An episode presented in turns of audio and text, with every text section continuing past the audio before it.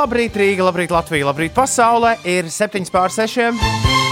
Ui, ui, ui, ui, ui, labi, ka es paskatījos telefonā. Ir piekdienā! Jā! Tu arī pasties telefonā un šitādā pašā priekā ieklēdzies. Jā! Jo vēl vienu darba nedēļu mēs 2020. gadā esam uzveikuši. Labrīt, visapkārt! Labrīt, Inês! Labrīt, Uldī! Labrīt! Šorīt šis rīts un tad viss. Šorīt jūku prātā. Tiešām, jā. Es, uh, es pamodos šorīt pirmo reizi. Es rītu būšu brīvs. Es pamodos pirmo reizi ap trījiem. Uh, juniors ieradās uh, mūsu laulības gultā pačučēt. Viņš viņam dažreiz tā ir, tad, kad uznāk, vispār bērniem tā ir, ja kad uznāk slikts sapnītis, tad jānāk pie vecākiem gulēt. Un, Tas vienā brīdī beidzas, jo viņi ir tik ļoti noguruši, ka atslēdzas. Un tas nenotiek katru, katru nakti, bet šonakt tas notika. Un pirmo reizi tri, ap trījiem es pieķēru sev pie domas, ka es pavaru acis un jau ir nakts, nevis rīts. Nu, tādā ziņā, ka nav viss baigi gaišs, tikai bišķiņa gaišs. Tas bija absolūts jaunums. Tad es uh, devos gulēt otro daļu savu nakts miega un pamodos precīzi piecos. Tātad 40 minūtes vispār neliekoties nezināms par modinātāju, kas bija skanējis un dziedājis man blakām. Es pamodos piecos, secināju, ka ne Ines, ne Ulas nav pie dzīvības. Jūs parādījāties tikai kaut kur 16, 20 pāri. Nu, 20, 16, 20 nu, pāri jā. 5. Es arī sapņoju saldu. Lai jau, lai jau čučas domāju. Nu, es nezinu, šajos apstākļos, kad jūs esat mājās, cikos būtu jāsāk jums zvanīt? 5.40. Nu, ja neviens nebūtu padevis nekādu ziņu. Vai no ētera? Vai arī no ētera, jo kāda starpība tieši tā. Var taču jūs pat taisnām nu, laist ēterā. Bet... Jūs taču atcerieties to vienu vienīgo reizi, kad mēs zvanījām no ētera kādam, kurš bija aizgulējies. Nā, labāk to neatgādini. Nu, labāk to nemaz neatkārtot. Ar, ar šo vienu eksperimentu mums pietika mācība, tā teikt, visam mūžam. Tas bija Arts Volfs, un Ulas tūlīt arī pateiks datumu, kad tas notika, lai interesanti var to sameklēt. Bet labi. Uh, Varbūt nevajag, jā. Mm, labi, uh, ja es pamostos pulksten piecos, man ir uh, 5.34, 33 ierodas tramvajs, tramvaj pieturā man ir diezgan milzīgā tempā jātaisās. Uh, pēc saviem rīta tempiem tas ir milzīgs temps, nu, lai, lai tiktu galā ar ar visu, ar ko ir jātiek galā. Lieki teikt, ka es šo to aizmirsu. Kad es aizmirsu šo to kabatā ielikt, kas bija jāieliek. Bet arī tā, to, kas Ines, Inesēja tev jāatnes un kas stāv tev uz galda kaut kur. To es laikam pat šodien esmu ielicis. Nē. Bet, oh. Tom, tu zini, ka es šodien nebūšu radio. Nu, re, es, es par to iedomājos, tāpēc man likās, ka. Jo es vakardien tev tieši to pateicu. jā, man likās, ka tieši tāpēc es varētu to siksniņu atnest no katliņa, kur reizes aizņēmos. Bet tā, es, es viņu atnesu.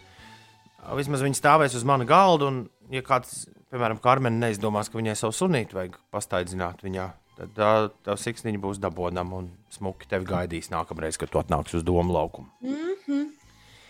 Labi, labi, labi. Uh, nu, nu, nu, lūk. Uh, Jā, nu, nu patiesībā ko, nu, es aizmirsu visu, visu, visu es aizmirsu. Visu es aizmirsu. Uh, tajās... Ko tu aizmirsti ielikt kabatā? Nu, to, kas kabatā jāieliek. Kabatā ir jāieliek darba apliecība un etalons. Caurlaidi tā tad. Es neesmu redzējis.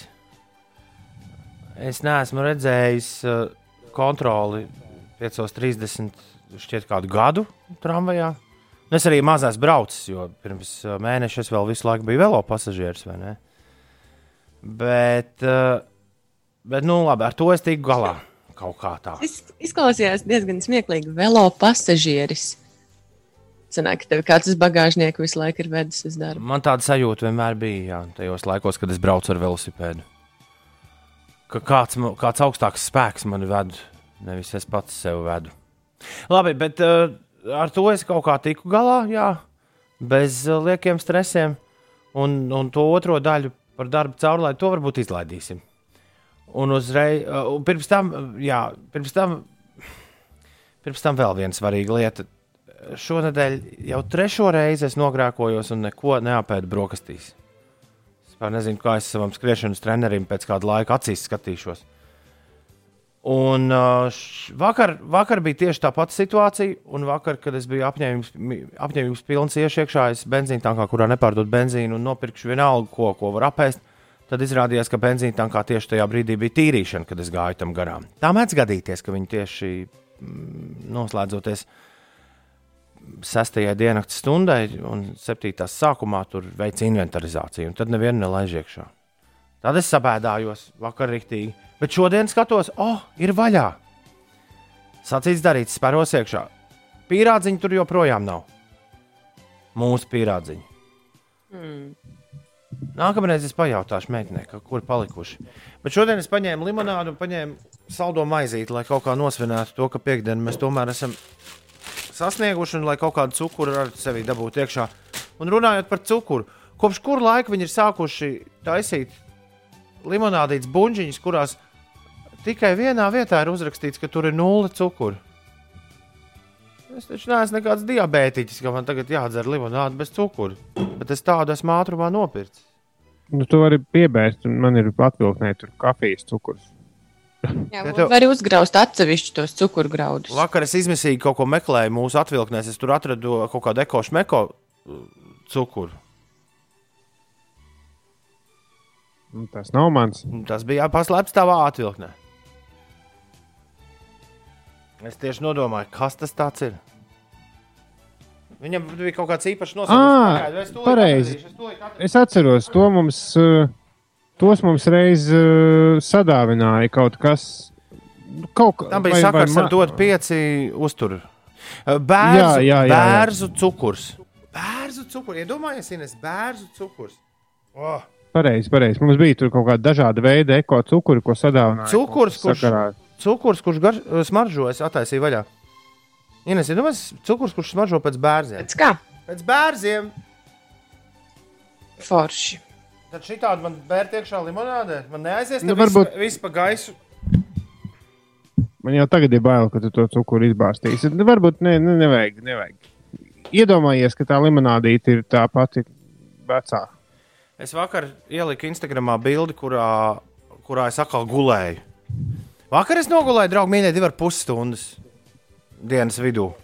Aizgāju nosnausties, kas parasti nozīmē normālā laikā aiziet gulēt uz 20 minūtēm vai pusstundu, un tad tev rauj augšā. Man kaut kāds nelabais rauj augšā, saka, vai dzīvo, kur tu guli. Apmēram tāda ir Visu sajūta. dzīvi nogulēju. Jā, jā, tu guli, kas ir deģenerācijas, celies augšā. Bet uh, vakar nelabais. Pasaule no, neapstājas. Es jau jums stāstīju, uh, šonadēļ kaut kā tas nelabais nenāk ciemos. Viņš ļauj gulēt. Vakar es nogulēju divas ar pus stundas, un, un, un aizvakar man šķiet, es nogulēju rīktīgi daudz. Un tad bija pagājušas, pagājušā svētdiena, kad es jums stāstīju, ka es aizmigu četras reizes dienas laikā. Un, uh, un jā, vakar es ieliku bildi Instagramā, un es secināju, ka es neesmu viens pats. Uh, jā, vad- gan privāti, gan publiski ļaudis raksta, ka viņiem, ar viņiem notiek tieši tas pats šajā laikā. Tas droši vien ir kaut kāds spiediens, vai ne, Ulu? Varētu būt, jā. Vai arī vienkārši Vai- tas ir normāli. Ka, jā, ja, Nezinu, ja šādu varbūt- bildi ielikt februārī, tad tāpat atsauktos tikpat daudz cilvēku. Nezinu. Varbūt pēc tam karstajām nedēļām, kad bija grūti, nu, karsti, un tagad ir tāds foršs vēss. Tāpēc grūti pateikt. Es, es vispār par ko nebrīnos šajā laikā, jo viena nedēļa nāk miegs, viena nedēļa ir tāda, kad neko negribas darīt, tā sajūta, un un man liekas, viss ir normāli. Nu, Vai. cilvēcīgi. Mūsu katrā ziņā arī Inês gan laikam neļauj šim priekam, bet man tu pilnīgi noteikti nepārsteidz ar tām divām stundām vai četrām vai trīs stundām dienā. Jo man arī pa nedēļā laikam, man- kad- Jā, Nu, Pabeidz, pabeidz. Nē, nē. Ines, mēs tevī klausāmies. Nē, es uh, par to miegu. Šajā nedēļā man vairāk kārt ir nācis miegs vakarā ap uh, sešiem, septiņiem, bet es ļoti spītīgi esmu turējusies tam pretī, jo man liekas, ja es aizmigšu ap septiņiem, es pagulēšu kādas trīs stundas, pamodīšos un ko tad darīt. jā tas ir. Tāpēc tas ir es mēģinu novilkt līdz pēdējiem un tad iet gulēt. Nu, jā, bet ja Nu, tu vari aiziet gulēt vakar, kā es vakar vienos dienā, tad ir savādāk. Tad sanāk, ka tu Bet, ja- to dienu tā pārcērt, nu, precīzi tā kā picu pusē. Bet, ja tu vari aiziet gulēt septiņos, Ines, tad tu mēģini iet gulēt, nu labi, septiņos vēl nē, bet tad astoņos, un tad lēnā garā, un tad aiziet, aiziet vienreiz gulēt deviņos. Un tu O, pamodīsies piecos pēc astoņu stundu miega. Tā, kārtīgi. Tu tur jutīsies tikpat raņķi. Visticamāk, pirmajā brīdī jutīsies tieši tikpat raņķīgi, kā tu jūties guļot pēc trīs stundas. Bet toties dienas gaitā, ui, tad gan tu jutīsi, ka viss ir savādāk. Man interesē, kur es šodien aizmigšu un kādā situācijā. Jo vispār dieniņu saplānot tā, ka nu, nevajadzētu tā laiski gulēt. Bet tad, kad tas miegs ierodas, tad ej, tu viņam to iestāsti. Viņš vienkārši ir un viss.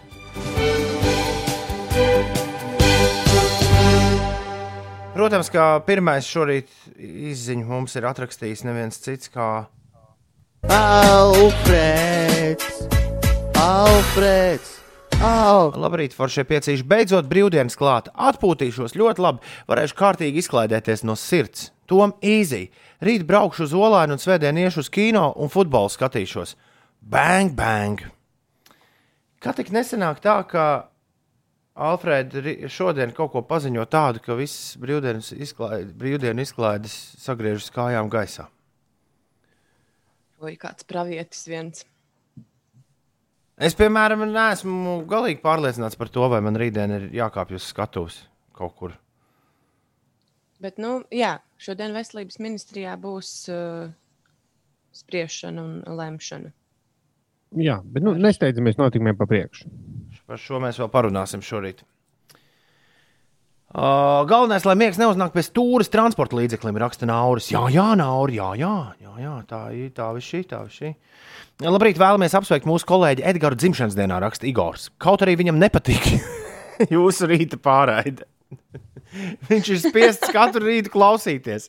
Jūs jau visiem pārējiem patīk. Klau, bet, bet mēs, jau, mēs jau esam ir- ļoti fleksibli. Jā, Edgars. Mēs varbūt varam Edgar, kaut ko izdarīt, izdarīt kaut ko tādu, kas tev patīk. Tev galu galā ir dzimšanas diena, tu esi pelnījis. Kaut Jā, ko. varbūt pietrūks tikai vienu kaut kādu nu, mazu darbību, un mēs pēkšņi kļūstam par labākiem draugiem. Bet... Ja nu Edgars atr- atrakstīs, jūs vienkārši varētu aizvērties. Tad mēs uzliktu dziesmu. Un arī būtu labi. Jā, labrīt, arī Gači, labrīt, Kārli. Kārlis raksta, ka tas šis esot mūsu uh, krūtāk, tas cukurs, kas mums esot, ir krūtākais bērnu cukurs. Krūtākais cukurs, to pat diabētiķi varot cukurot. Nu, tad krūta. Labi, tagad zināsim. Un, uh, un vēlreiz noslēdzam mēs pirmo izziņu birumu uz 293, 1202 šajā rītā ar Alfrēda ziņu, kurš raksta to. Man šodien brokastīs ir līdzi garšīgi un malkmaizītes un silta pasakāina kafija. Ņem, kas var būt jaukāks par garšīgām brokastiņām? Tūdī, bīrī, lucky! Pie garšīgām brokastiņām labāks var būt vēl, vēl tikai fonā vīrs, kurš tev apsēžas, Alfrēda paņem akustisko ģitāru, sāk to spēlēt un iedziedas apmēram šādi.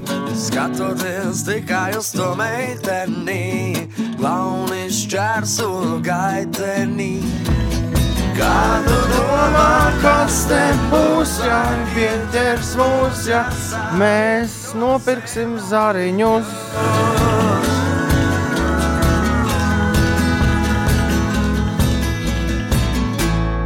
Kāpēc jāpērk zariņi? Nezinu. 6,23. Jebkuram. Evita. Es, es, es cerēju, šo, ka mums šis nebūs jācilā, bet, ja Evita ir atrakstījusi, tad mums ir tas nedaudz jāpacilā. Evitai ir visa diena, visas dienas ritms šodien izjūgts, jo Latvijas valsts himna, kas parasti skan tieši pirms pusdienas sešiem, noskanēja 5.50, un tas ir sajaucis visu Evitas rīta rituālu. Mūsu vakar kolēģi nebija nospieduši automatizācijas pogu radiostacijai. Tīri teorētiski viņiem viņa arī nav jāspiež, jo pusnaktī vajadzētu uh, galvenajam datoram pašam to pogu piespiest. Bet viņš viņu nav piespiedis. Un, uh, līdz ar to dators Evita nezināja. Nu, viņš, Viņš jau neko ne, viņš nemaz nezināja. Viņš nemaz nezināja. Ne? Viņš tikai spēlēja visu, kas viņam tur salikts pēc, pēc kārtas. Un, Un tad, kad no pusnakts viņš ir pus, pus, atļaušos piebilst pusnakts un trīs minūtēm, viņš ir spēlējis visu, kas viņam pēc kārtas ir salikts, tad viņš ir nonācis līdz uh, sestās stundas beigām. Tieši tā kā tu to dzirdēji. 5.50 viņš atskaņoja himnu, tad 5.52 viņš sāka spēlēt jau šo stundu. Un, uh, es atvainojos par nērtībām visiem. Evitē tas tieši 6.10 tajā vienā retajā rītā, kad es nepaklausījos himnu. Ei, ei, ei, ei. Jā, nu izme, izmeklēsim, kurš te, kurš te nepareizi savienoja vadiņus. Bet uh, pagaidām baudām faktu, ka mēs gan esam pareizajā laikā, pareizajā vietā. Ir 25 pār 6, 5, 10 jūlijas. Cēlies augšā! Today very lucky. Congratulations me! Yay! Juhu! Pa, pa, pa, pa, pa, pa, pa, pa, pa, Man ļoti šī rubrika interesē šorīt. Kāda rubrika? Man uh, par laika ziņām. Man visi šodienas un rītdienas plāni ir tieši atkarīgi no laika apstākļiem. Mēs taču visu nedēļu runājām, ka, ka būs samācies, bet diezgan labs. Tiesa, šodien no dienvidrietumiem Latvijas šķērso plaša lietā, lietu zona. Jā, šodien tāda būs. Dienas otrajā pusē būs maz nokrišņu un daudz vietu uzspīdēs saule. Pārsvarā lēns vējš, minimālā temperatūra mums neinteresē. Mums interesē maksimālā temperatūra, kas būs plus 15, plus 22 grādi. Tā. Šodien uh, galvaspilsētā lietains līdz kādiem diviem dienām ulu. Aha. Un rītnakt līs. Bet rītdiena būs sausa un, un feina gana. Nu, vienīgi saulīt neredzēsim. Būs tāda pelēka dieniņa. Un svētdien kaut kāda saules stara tomēr parādīsies. Un līdz plus 18 grādiem, nu, tiesa arī sestdien, būs līdz plus 18 grādiem Rīgā arī iesils. Bet pēc tam mums rādās ļoti saulaina nedēļa bez nokrišņiem pagaidām. Vai tas nav forši? Juhu! Tu ar mocu kaut kur gribēji braukt, ka, tu tā, ka tev tas tā interesē. Jā, uz ceļiem un rīt atpakaļ. Izklausās pēc plāna. Nebrauc pa nakti galvenais. Naktī no Jā. šonakt būs lietus. Nē, nē, es to vispār. Labāk, ne, pa nakti nevajag. Jums patīk lietus skaņa, Ines un Ulu. Mm, tad, kad Jā. Es esmu iekšā zem jumta kāda un lietus ir ārā un ir atvērts lokus, tad jā. Vai labā Bet tad, kad ir jāiet nu, uz darbu, tad, tad nepatīk lietus skaņa. Mans uh, vecākais dēls Everts ik pa laikam man prasa, kas ir mana mīļākā skaņa. Viņš bija pats savu skaņu topu sastādījis un man demonstrēja. Es viņam teicu, ka man mīļākā skaņa ir tā skaņa, tad, kad līst lietus. Ar uh, kāmja iegādi es esmu nopircis, uh, nopircis kaut ko pilnīgi negaidīti. Mums pāris nedēļas mājās ir kāms, un, un kāms visu nakti skrien pa to savu ritentiņu. Un uh, manā būrītes ritenītis ir uh, plasmasas. Un tad, kad viņš skrien, reāli izklausās pēc tā, ka līto aiz loga lietus. Kā pa, pakšķēta pa palodzi. Līdz ar to es esmu iegādājies bio šito te, uh, nu, baltā trokšņa mašīnu, kas lieliski, kas lieliski darbojas. Pat mūzika, nav, Speciāli. pat mūzika nav jāspēlē pa nakti. Ko es, ko es starp citu, līdz šim darīju gandrīz vai nu, ļoti regulāri. Klus, klusumā ir- kaut kas skanēja. Spotify ir visādi albumi, pilni ar baltiem trokšņiem, un melniem trokšņiem un brūniem trokšņiem. Nu, jā, bet zini, ko tas.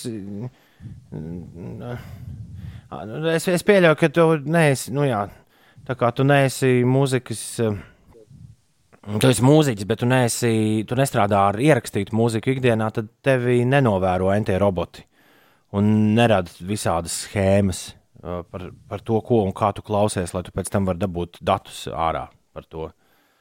Un šādas, šādu trokšņu klausīšanos visai drīz sabojātu, uh, sabojātu tās diagrammas.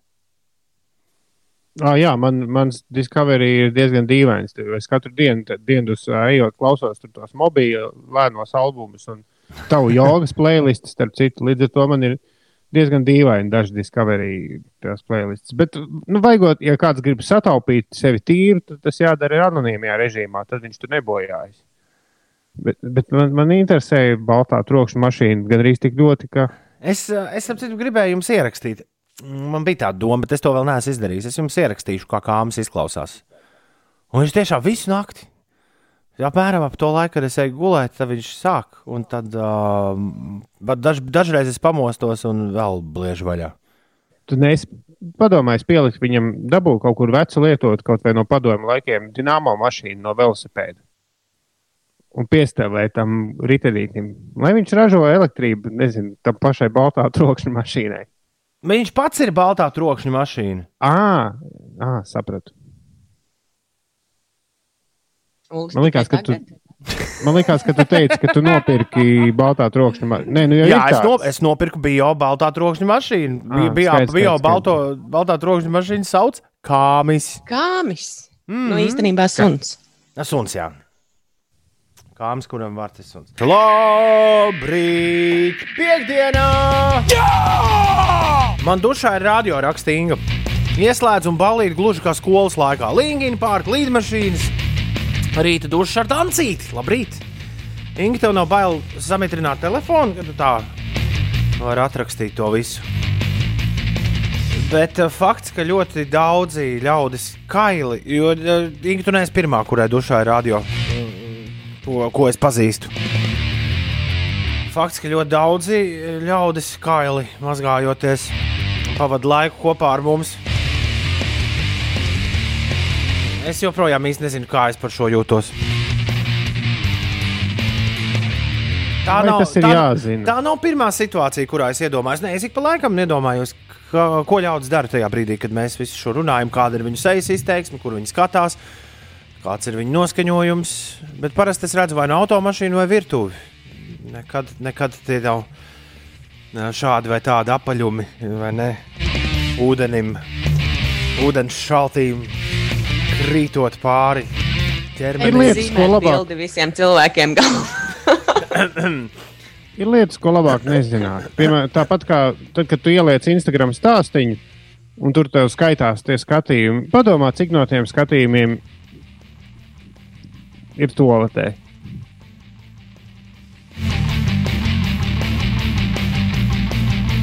Kāpēc par, Tu to tā ir jā, domā? kāpēc par to ir jāiedomājas? Nē, par to nevajag iedomāties. Tāpat kā nevajag domāt par, jau, nu, par tiem apaļumiem. Nē, par apaļumiem vajag domāt. Bet... Paulai ir atvaļinājums, bet jātrenē kucēni pie ikdienas režīma. Vismaz varēja jūs pa ilgiem laikiem padzirdēt, tagad ar visiem jums ausīs atpakaļ čučēt. Pauls, šis ir bīstams. Mēs varam rīktīgi paspēlēties ar taviem sapņiem, eh, ja tu mūs atstāsi ieslēgtus. Bet, eh, bet liels prieks, ka tā. Eh, Čau, labrīt! Mosties un uz darbu doties šādā pelēkā rītā nav nevainas, ja spīd saule, raksta Andrejs. Redzu trīs mākonīšus, un tas arī viss pelēkais. Bet saulīti gan nav latviešu šoreiz. Tas nozīmē, ka Andrejs ir kaut kur tālēs zilajās. Ja es pareizi šo īziņu sapratu.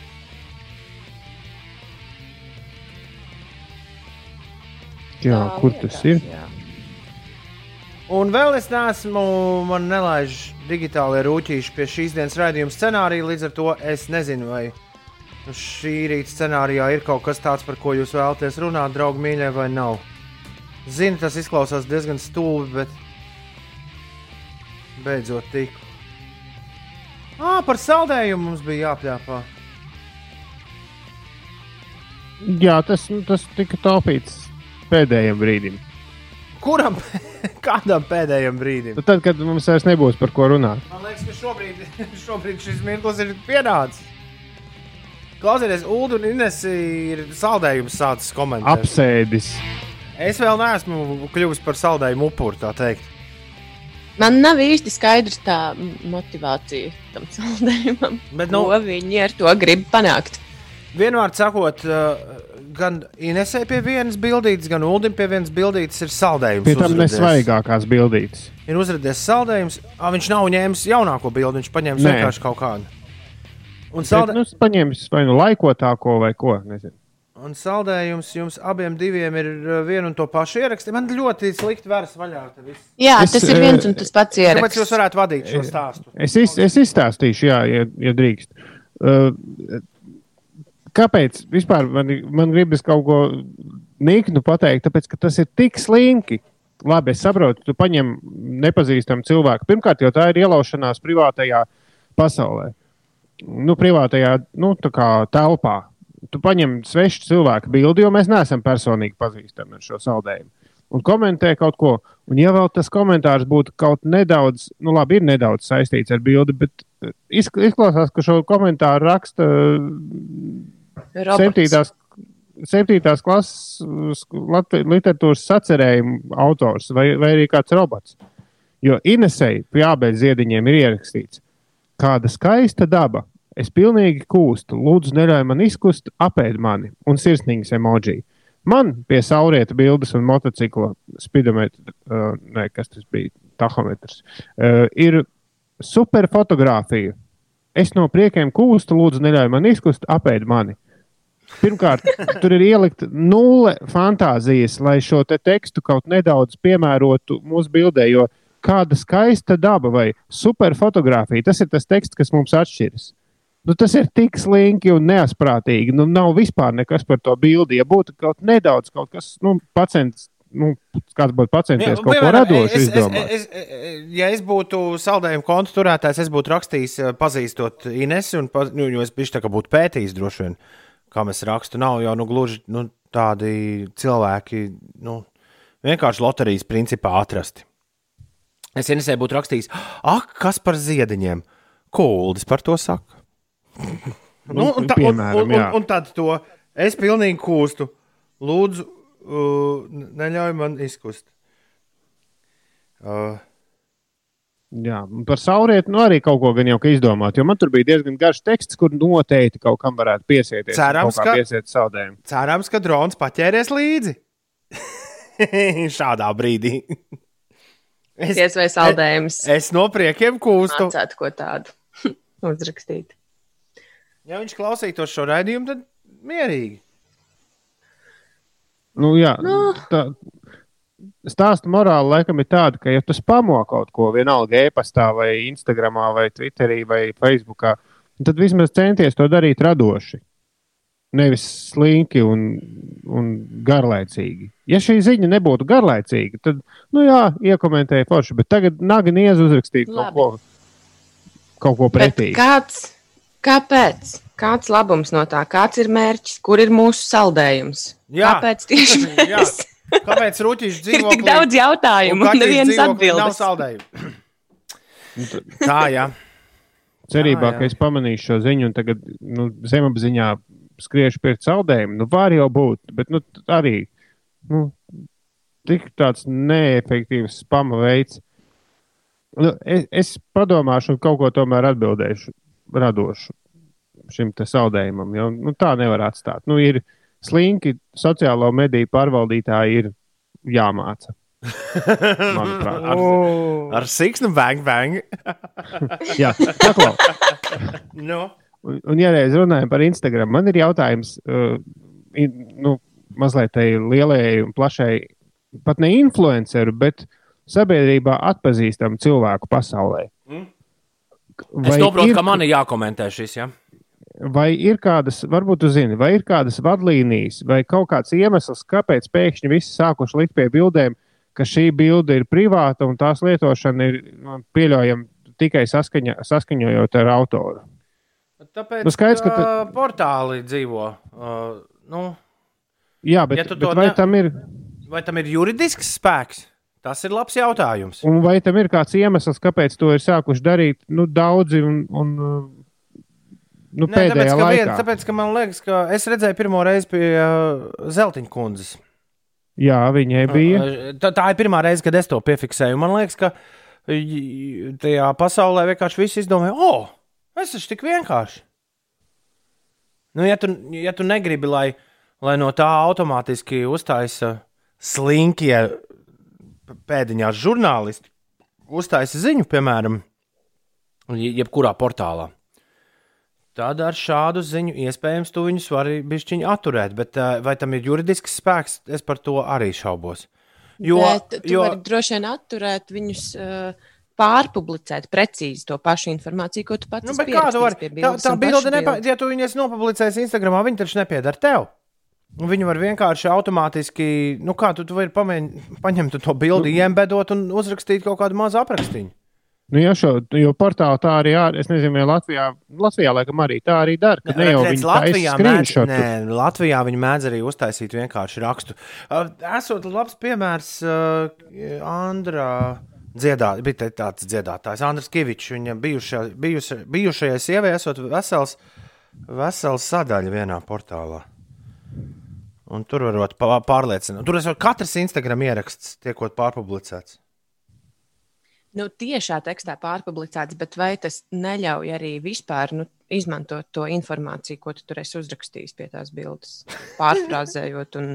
Nē, nu, tas ir man, nu, drīzāk tas ir tā, ka, ja tu, ja tu gribi ar viņiem kaut ko pēc tam kasīties, jo tas neaizliedz. Protams, ka tas neaizliedz to darīt vienalga. Var, nu, ja ir rīktīgs sušķis pretī, vai arī kāds, kurš nesaka savu vārdu nu, no, tiem, nu, tā, no tiem spam portāliem, vienkārši pārpublicē un pasakā, "Ai, man vienalga, un sūdz tiesā. Un, un, nu, īsti tur, tad tur jāpie, jāpieslēdz uh, lielie juristi un jāpēta visi Instagram noteikumi un tā tālāk. Un tā tālāk. Un patiesībā tas kašķis jau ir nevis starp slavenību, bet starp Instagram un šo portālu. Bet, mm, ja tu gribi, nu, teiksim, ja tas ir cilvēcīgi, ja tu gribi pakasīties, tad tu saki, nu, pagaidi, bet re, kur es biju uzrakstījis, ka nedrīkst. Un mazajā Latvijā, kur daudz, daudz pazīst sejā, nu, tur nu, tad pieklājības pēc arī droši vien to ņems vērā. Bet viņi jau, nu, labi, tad man liekas, ka šī problēma galvenokārt ir tām slavenībām, eh, arī pēdiņās liksim, ja? slavenībām, kuri neceļ telefonu. Jo, ja tu cel telefonu, viņi, nu, vismaz tagad, piemēram, tagad, es roku salauzu, viņi nevis pārpublicē visu glīti, bet viņi tev piezvan. Man zvanīja kādi trīs izdevumi. Viņi zvana, viņi prasa, jā. un viņi, viņi papļāpā, un viņi, viņi pieraksta. Jo loģiski, ka viņiem arī interesē, ka viņi dabūs kaut ko bišķi vairāk nekā to, ko visi jau ir Instagramā redzējuši. Bet, ja, Jā. ne, bet ja neceļ telefonu, tad neko darīt. Nu, liksim, to, liekam to pašu iekšā. Raksta ziņu, un vēl pieraksta, ka komentāros cilvēki pauduši izbrīnu. Un, un tu atver to, to ierakstu, tur ir trīs komentāri ar izbrīnu. Komentāros cilvēki ļaudis komentē, Emocija zīmīta viena. jā, sekotāji šokā. Tur viena emocija zīmīta, kur tā sēž šokā. Tad no vakardienas manas bildes varētu uztaisīt ziņu, grēviņa faniem nāk miegs. Nu, vai kaut ko tam līdzīgu. Reiviņš atlūz. Pieķerts. Pieķerts diendusā. Un sākt analizēt nē, tavu nē, diennakts zini kā būtu? miega laiku. Uz, uz, vāka, uz vāka nebūtu tā bilde, uz vāka būtu lieliem burtiem. Jo visticamāk, to bildēja sieva, vai ne? Laikam. Nu, uz, tad uz vāka lieliem burtiem būtu sieva pieķer grēviņu.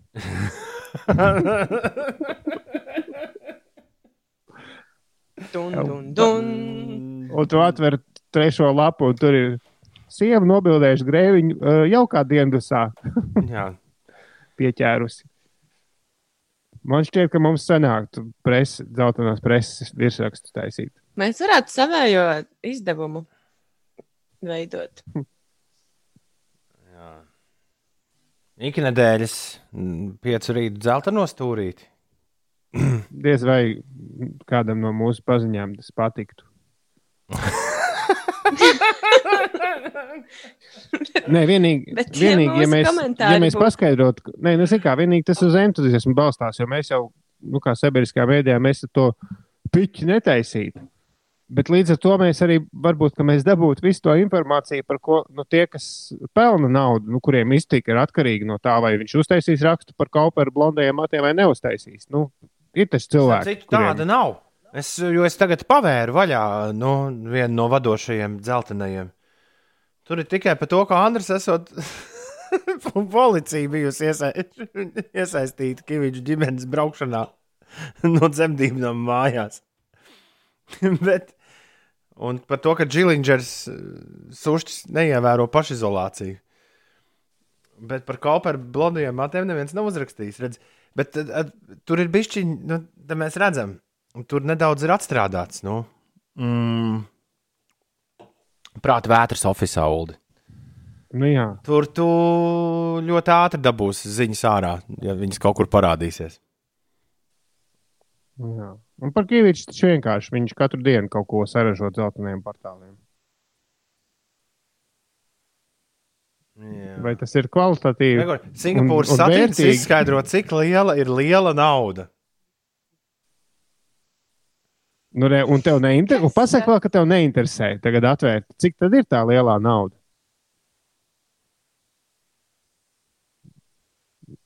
Mēs to zināsim. Ne, viņi ir jau kaut kādu video uztaisījuši. Nu, re, Kurā, atkal viņi, kurā, viņi skaidro, kurā viņi skaidro blingus. Jā. Atkal jau klikbeigts. Es gribēju uzzināt, cik liela ir liela nauda, un neuzzināju. Šī, šis virsraksts arī ir lielisks. Modeli Ginta Lapiņa savu dzimšanas dienu nosvinējusi krietni mierīgāk nekā pērn. Tā, tā, Tad tā. man tad pirmkārt, Kā tas tad tagad, tas tā, tagad ir pirmais, bijis? ko es daru. Ginta Lapiņa dzimšanas diena 2019. Vēlos, vēlos zināt. Ginta ir uh, liela dot pieci draudzeni maratonu. paskat, paskat rekur, uh, Artus, uh, Ar to tur arī bija. Jā. jā, otrs Laura, pa, pusīts. panorāmas vadītāja Laura Vonda pas, laidos pasaulē otro bērniņu arī. Paskat, un, un viņas, uh, nu, Dārtas Danevičs ierakstā, kur lieliem burtiem rakstīts, profila saturs uzskatāms par autortiesību objektu, tā publicēšana, publiskošana bez manas rakstiskas piekrišanas ir kategoriski aizliegta. Un tieši šī bilde arī ir ielikta portālā, kurā ir burtiski vārds vārdā pārpublicēts. Bet tur ir embedots, uh, jā, embedots Jā. Instagram. Līdz ar to īsti Jā. nevar teikt, ka publicēta bilde vai saturs. Tā ir publiskota, nevis publicēta.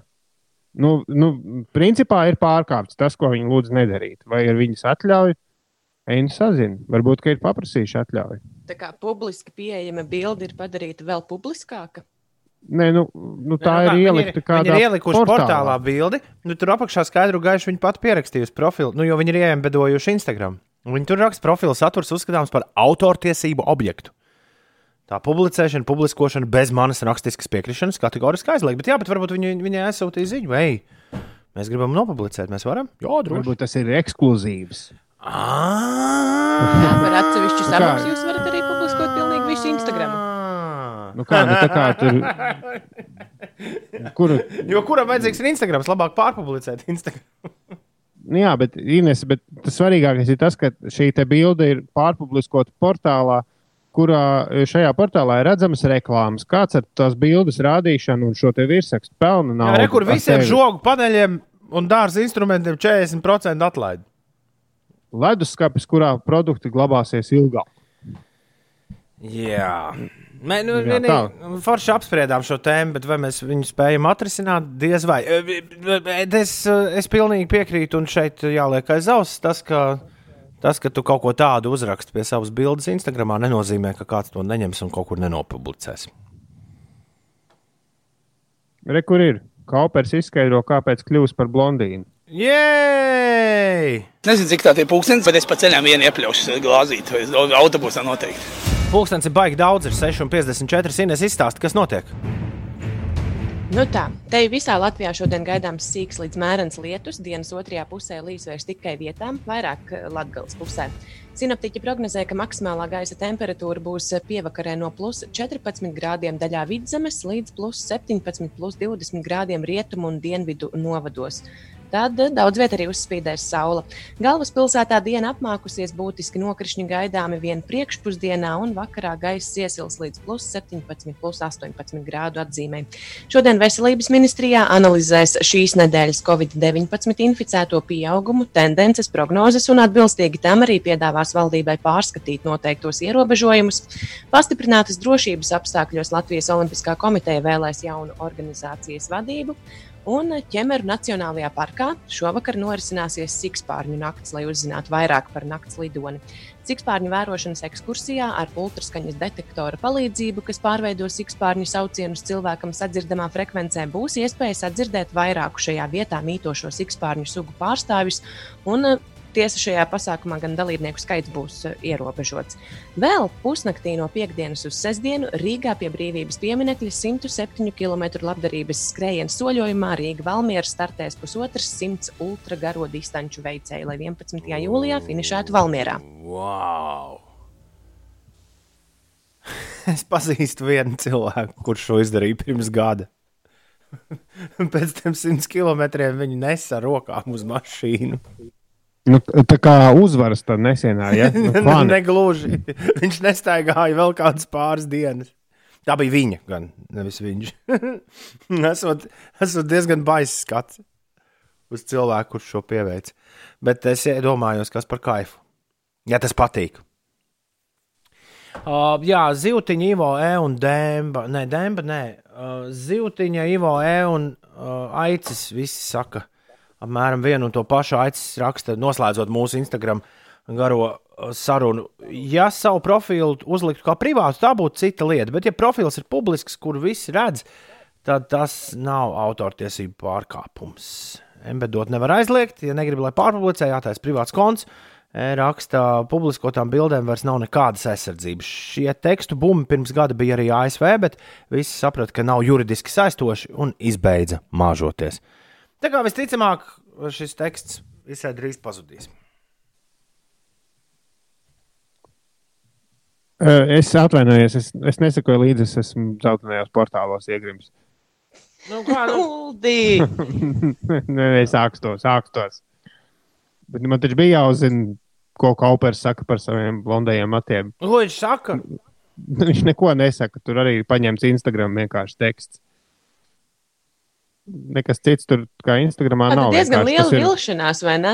Ja tu pats seko Viss. tiem cilvēkiem Instagramā, tad kāda jēga tos dzeltenos žurnālus pirkt? Tā, varbūt tāpēc mēs tos portālus tā kā ikdienā Ines nevaram vaļā.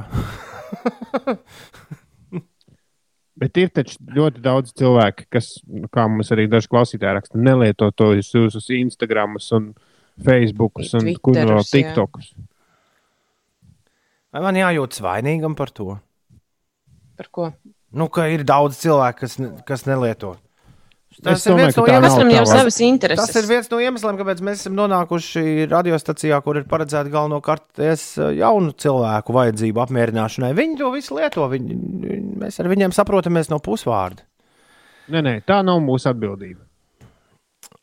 Un nekad arī nebūs cerams. Es gribēju jums jauno bērnu dziesmu spēlēt, bet nav jau laika, kad, no, kad nospēlēt visu. Kā? To mēs dzirdēsim drīz pēc ziņām. Visu Mums vēl divas stundas raidījuma. Mums jau vēl viss kaut kas ir jādara. Mums ir uh, tom tests jāspēlē, mums ir tev to vajag, tev to nevajag, pierunāt diskžokeju. Uh, ar to laikam beidzas šīs dienas darba saraksts. Bet nu vienalga. Nav jau tā, ka varam te rokas klēpī salikuši. Uh, sēdēt. Ar radīkli rokā. Es varu spēt iedomāties, Ines, ka tu sēdi radīkli rokā. un Visu raidījumu laikā kādu uz, Ko lūdzu? uz zeķīti noādi. Man pamatskolā mājturība bija priekšmets, kurš man ļoti nepatika. Man liekas, ka nav nevienas, nav neviena lieta, ko es būtu pabeigusi mājturības ietveros. Paskat, Agate Muceniece atklāja, kas ir mistiskais vīrietis, ar kuru viņa apskausies jaunā foto. Kas ir mistiskā agata muceniece? Jā, man arī tas bija pirmais jautājums.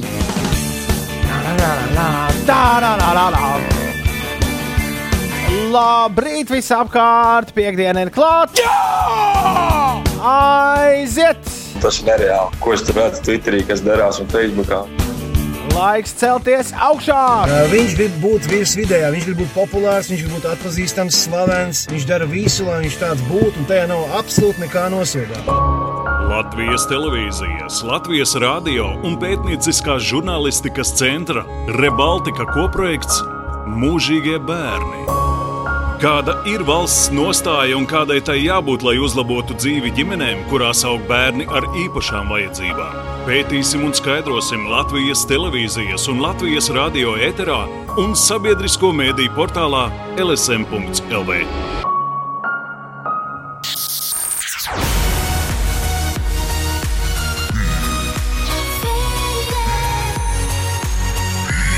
5 LV. Labrīt! Ir 5 pār 7. šeit Latvijas Rādio 5, 5 LV, 5 rītī ar tevi kopā. Ziediņš, puķekā, grēviņš, visi, visi šeit kopā ar jums. Nu, ne gluži šeit, bet nu, šeit. Jā, Nu, jā. kopīgi, kopīgos viļņos, teiksim, teiksim tā kaut kā.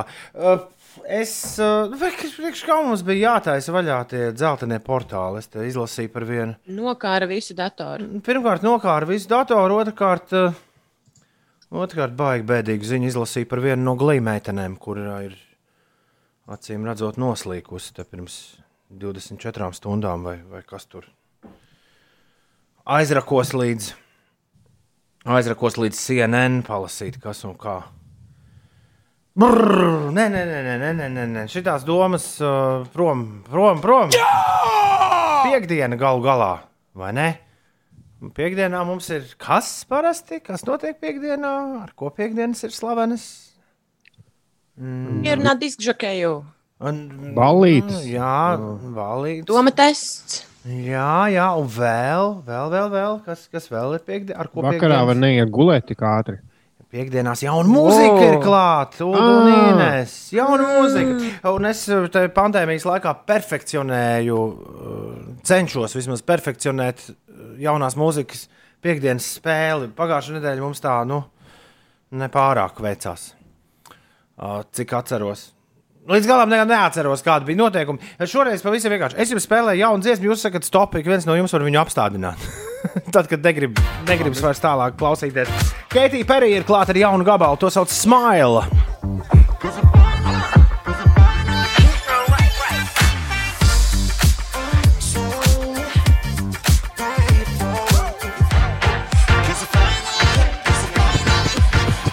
Lai kaut kas sāk.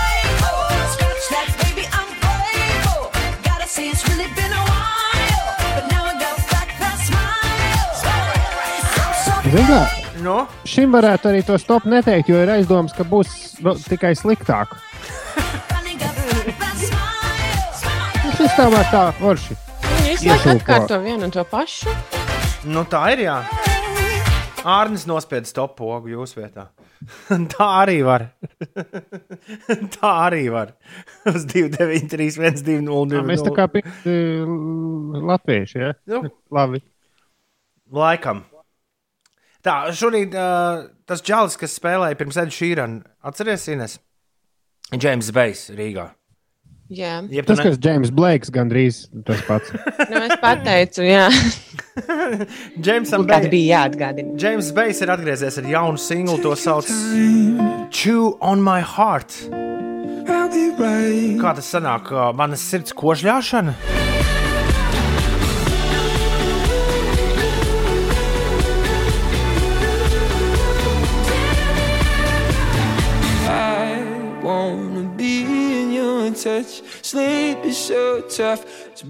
Nē, my šitam stop.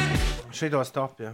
Eh, Šis nav, nav, es neesmu noteikti auditorija. Viņš man personīgi neuzrunāja ar šo dziedājumu. Labi, tad es tev Indiju uzlikšu tagad kaut kādu Labi. i- indiju roku. Future Islands arī koncertējuši Latvijā, koncertējuši Baltijā vairākas reizes.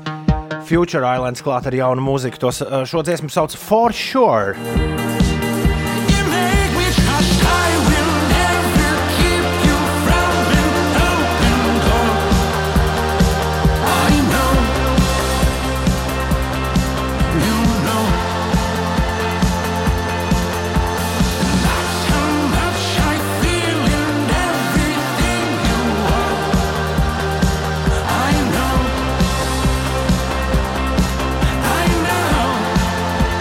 Ines, ko tu saki? Ines nesaka stop.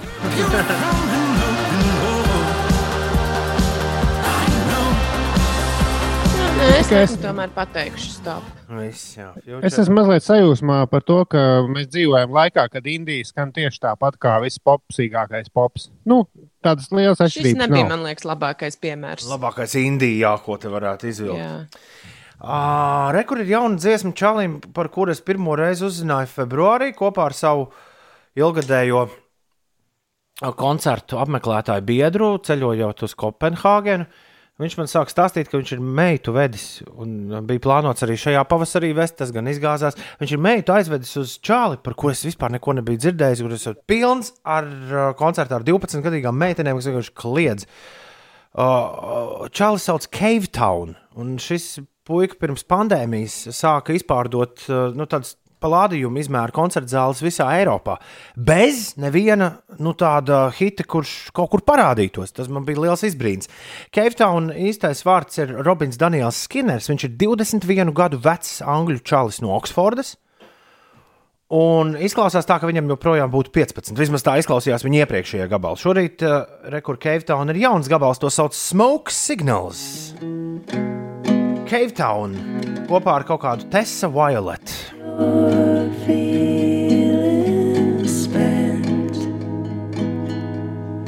When it's heavy on your chest, when you think there's nothing left, you can come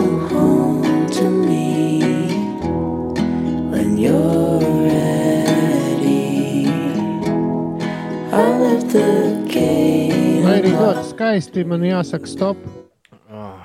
Jo septiņos no rīta uh, kādam teikt, you can come home to me, nav īsti. Man liekas, īstais brīdis. Nu, Pilnīgi es jūtu, ka tu teiksi, ka tas nav pareizi. tā, tā nevajag darīt. Nu, jā, jo vai nu tas ir nepieklājīgi agri, vai nu tā ir pārāk ievilkusies balīti. Un, Nu, septiņos no rīta. Jaunās Labāk mūzikas, vakarā. jaunās mūzikas piekdienas svinības mēs noslēdzam ar Foster the People, kuriem reiz bija vi, O, īsti, tos mēs zinām. izteiktiem viena hita brīnumiem, kuriem reiz bija All the other kids with the pumped up kicks. Viņa jauno gabalu sauc The Things We Do. Un tas izklausās šādi.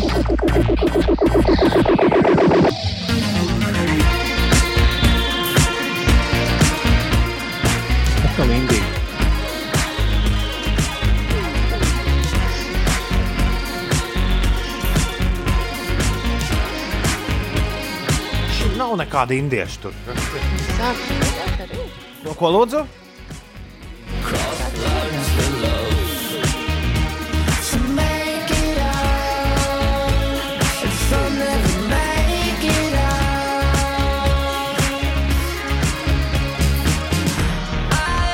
You won't, you will, you won't. Come with me. Man liekas, šim, šim jāsaka stop. Kas par sarunu nospied stop? Jo, ja nemāķi dziedāt, nevajag. Ko tur ar tiem efektiem? Pirmā frāze, pirmā frāze gan bija daudz sološa. Izklausījās, ka viņi mēģina 80. gadu vācu popu gaudīt ierakstīt. Jā, jā. Die Polizei geht runter, jā, jā. Labrīt, te Lauris Reiniks. Celies augšā! Jau cēlies augšā. ir ā, 14 pār 7. Ir piekdiena, 10. jūlijas. Aiziet piekdienā! Tas Rīga Latvijā!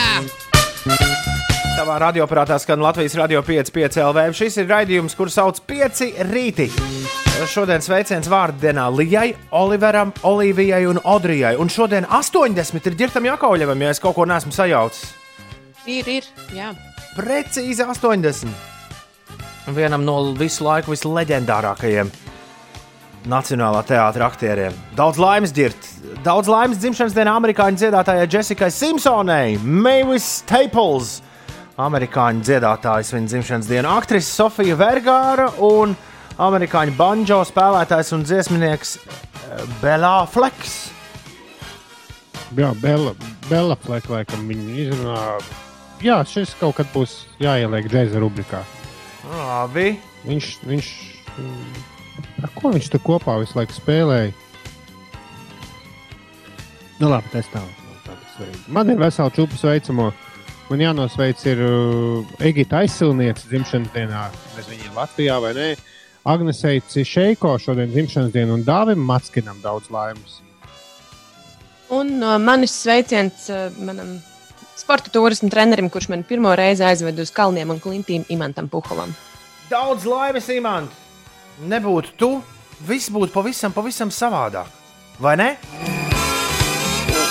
Varbūt ne gluži savādāk, bet es varbūt vēlāk būtu aizbraukusi uz saviem pirmajiem kalniem. Nu, ar citu mašīnu, tu domā, pēcpusdienā.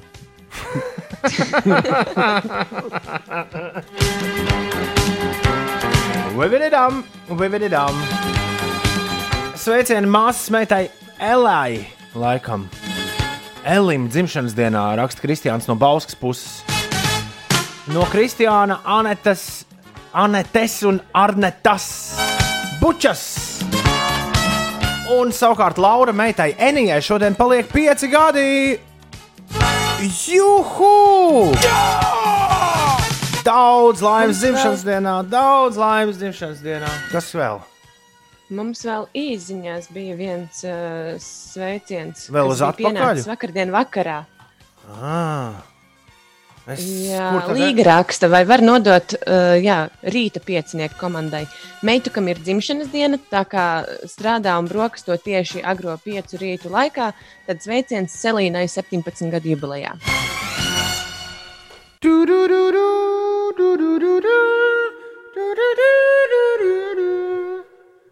Daudz laimes dzimšanas dienā, Selīna. Cik čakli 17 gados strādā? Jā, rokas darba Selīnai nebijās. Mums par to liels prieks. Kas ir? Kāpēc tu saki, uh? Kas ir papiņi? Kas ir papiņa? jā, jā, jā. Tieši tā un ne savādāk. Uh, 7,28. Uh, tu klausies Latvijas radio 5,5 LV. Labāko hip hop radiostaciju ciemā. Un tagad kādam no jums, kā katru piekdienu, būs iespēja pierunāt disku žokeju. Viss, kas jāizdara, jāsazvana 29, 31, 20, 29, 31, 20. Disks žokei, kur šodien ej, es gribu iet tev līdzi un visu nakti dējot disks žokei šai pasaulē. Lai logiem rūtis trīc, lai nemanot nāk rīts, bet vakars vēl pat sācies nav. Un tu tā kā sapnī smaidi jau disks žokei, viss jāpaspēj, lai nepienāk gals šai ballītei. Disks žokei, sauc hei, hei, hei! Un mūziku mums liec, jo nedēļu nav dējots disks žokei šai pasaulē. Vēl ausis jāpiekliedz, bet lūdzu neaizmiedz, jo laikam jau tev apnicis, ka jāspēlē atkal tas pats viss disks žokei. Viss jāpaspēj, lai nepienāk gals šai ballītei. Lai mums līdz rītam zvaigznes liek. Mums zvaigznes kliedz 24 stundas diennaktī šeit, bet uh, 29, 31, 20, aiziet! Diskžokais ir gatavs ar kādu no jums aprunāties tagad.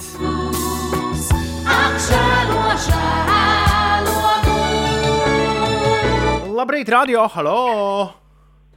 Wow, labrīt! Oh, wow! Kāds pārsteigums, vai ne? Jā, patiesībā ir gan. Kā tev godāt? Normons. Čau, Normund! Kā iet?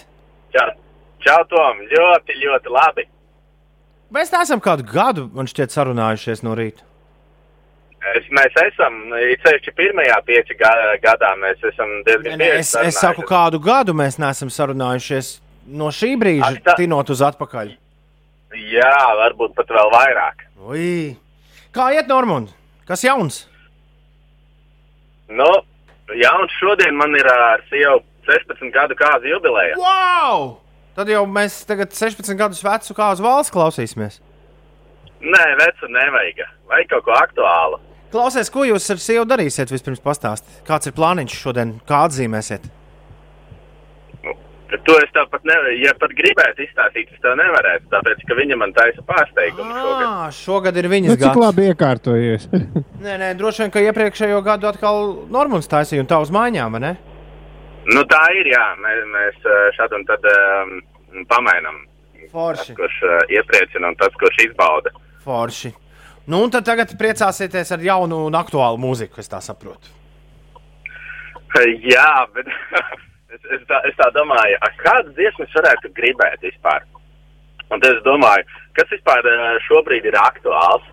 Un šobrīd ir aktuālā Aija Un es, un es tā nosmējos, ka, ja man izdosies sazvanīt, varētu vēlreiz uzprasīt tā aiju uh, nodziedāt, jo tikko viņi jau dziedāja. Šī tādas īsti nedarbojas. Nē, kāpēc? Tāpēc, ka, nu, Ulu palīdz man. Nē, Nu, šī īstenībā rubrika gan vienai, gan otrai pusē jābūt uh, spēcīgiem argumentiem, jo tā, tā to rubriku sauc pierunāt diskžokeju. Nu, tie ir, Jā, baigi- reizēm- tie ir super slikti.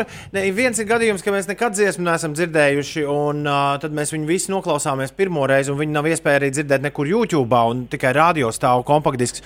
Tad ir pilnīgi loģiski, ka dziesma ir jāuzspēlē vairākas reizes, jo nu, kā, tu esi vienīgais, kurš viņu var nospēlēt. Bet, uh, bet, te- bet tie diskžokēji, kas liek, tie diskžokēji, kas liek piecreiz pa vakaru balējiem neguļam, ir nu, baigi sliņķi manā, uh, manā Jā, uztverē. bet, šo, bet šoreiz jau Normons vēl. Nu, Pagaidiet, nezinām, kur, rubriku, sauc, dziesmu. rubriku draugu mīļie sauc pierunāt diskžokēju. Nu, jā, bet mēs jau nezinām, kuru dziesmu. Bet pirmkārt, tā jau nu pats skanēju. uh, Es pilnīgi Jā, jā. jūtu, ka Normāns grib korķīšus vēlreiz. Bet man ir, man ir tāds um, stāstīns, varbūt, un uh, argumentēts stāstīns. Jā, droši. Uh, un, un, un tas droši vien ir saistīts arī ar uh, vispār mūsdienu attiecībām un, un, un, uh, un mīlestību, un kas tad ir mīlestība, un kas ir uh, attiecības, kas ir ģimene un tā tālāk. Jo uh, mūsdienās uh, nu, man, man ir tāda sajūta, ka visapkārt ir uh, nu, tāds piecgades plāns. Cilvēki aprecas piecas gadus, tur padzīvo, tad saprot, ah, klausies, vairs nav tāds uh, rozā brilles un tā tālāk. Ja? Uh, un, un, un satiek kādu citu cilvēku, tad tur sāk veidot citas attiecības. Nu, un, un, uh, man ir tāds sajūta, ka mūsdienās tas ir tāds uh, nu, normāls standartiņš. Un, uh, un pat Aija dziedāja to dziesmu blēņas, ko mm, mēs uh, ik pa laikam darām blēņas dažādas, ko nu kurš saprot par blēņām. Ja? Un man liekas, ka mm, katru cilvēku attiecībās ik pa laikam ir nepieciešama tāda dzirkstelīta, uguntiņa, lai, lai varētu šīs attiecības skaistas kopt uh, ilgstoši un uz priekšu. Un tāpēc es gribētu arī šo dziesmu, aiz blēņas, uh, dzirdēt. Nu, labi. Diskžokējs ir pierunāts. Normāns, lai vēl 16 reizes 16. Paldies, ka piezvanīji. Čau! Čau! Pievērtas un aizgāri ciet, mums nav kur iet. Darīsim blēņas, Nu, re, dubult Aija Andrēja jau mums te 30 minūšu laikā radio viļņos. Kuram vēl gribas darīt blēņas, ko? Es nezinu, es domāju, Laikam jau visiem, man liekas, gribas. Piektdiena gal galā. Kādas mazas blēņas jau varētu sataisīt. Jā! Jo pagājušajā piekdienā mēs ļoti godīgi uzvedāmies, darbie kolēģi. Tad, kad Jā, mēs li- tikāmies. Un, un vēl viena lieta, mēs lēnām tuvojamies brīdim, kad mēs par to parunāsim bišķi vairāk. Nevar zināt, ko šodien lems, un, un vai gadījumā kaut kādus jaunus ierobežojumus necels gaismā. Un, ja tā, tad ļoti iespējams, ka šī var gadīties. Ir, nu, negribu, negribu izklausīties baisi, bet eh, nu, var sanākt, ka vairs nākamā piekdiena tik brīvi nepasēdēs. Kaut kur. Tāpēc šovakar sēdēt mājās būtu grēks. nu jā, par to vēlāk. Ir ā, 7,37 minūtes pareizais laiks. Pagaidām uztraukumam nav nekāda pamata. Tad, kad būs, tad arī uztrauksimies visi kopā. Ozols soldējuma sezonā remiksējis Kristaps Ritms ir 7,44. Šeit tavu rīta personīgā piekdienas diskotēka. Pieci rītī! Ines, kas notiek? Rīgas ielās šorīt nav novēroti īpaši lieli sastrēgumi. Kārļa Ulmaņa gatavs pagriezienā uz vienības gatavu šobrīd jākavējas teju 6 minūtes, un Čaka ielā posmā no Matīs ielas līdz Tallinas ielai jāierēķina aptuveni 5 minūšu kavēšanās. Uz A8 šobrīd 15 minūtes, tas ir braucot no Jelgavas virzienā uz Rīgu. Savukārt Latvijas valsts ceļi informē, ka šīs dienas pēcpusdienā pierīgā jūrmalas un salkrastu virzienā varētu būt īpaši palēnināta satiksme. Atgādināšu, ka uz Tallinas šosejas, jūrmalas šosejas un Jelgavas šosejas šobrīd notiek remonta darbi. eh, Tas arī var palēnināt satiksmi. Uz reģionāliem autoceļiem visvairāk luksusforu posmu ir uz autoceļa pūri Auca Grīvaiši, tur ir septiņi posmi. Savukārt garākais remonta darbu posms ir no Ventspils kuldīgas virzienā ar sešiem luksusforu posmiem, un abu šo ceļu izbraukšanai varētu būt nepieciešama stunda. Atgādināšu, ka Latvijā turpinās aktīva valsts autoceļu remonta darbu sezona. Darbi notiek aptuveni 60 ceļu posmos. Vēl par pašmājām runāt par Covid-19 otro vilni pēc trīs dienu rādītājiem ir pāragri. Savukārt, iespējamai ierobežojumu pastiprināšanai izšķirošas būs tuvākās dienas.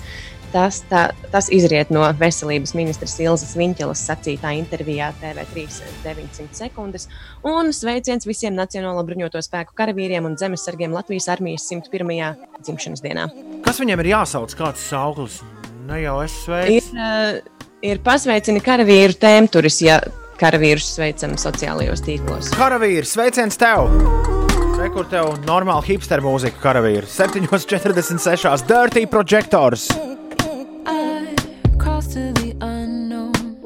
Tossed in an ocean, crashing the home of the host.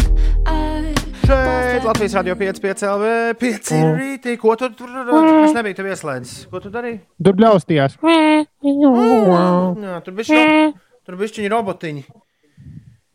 Robotiņi dziedāja. Stilīgā Ņujorkas mūziciņa.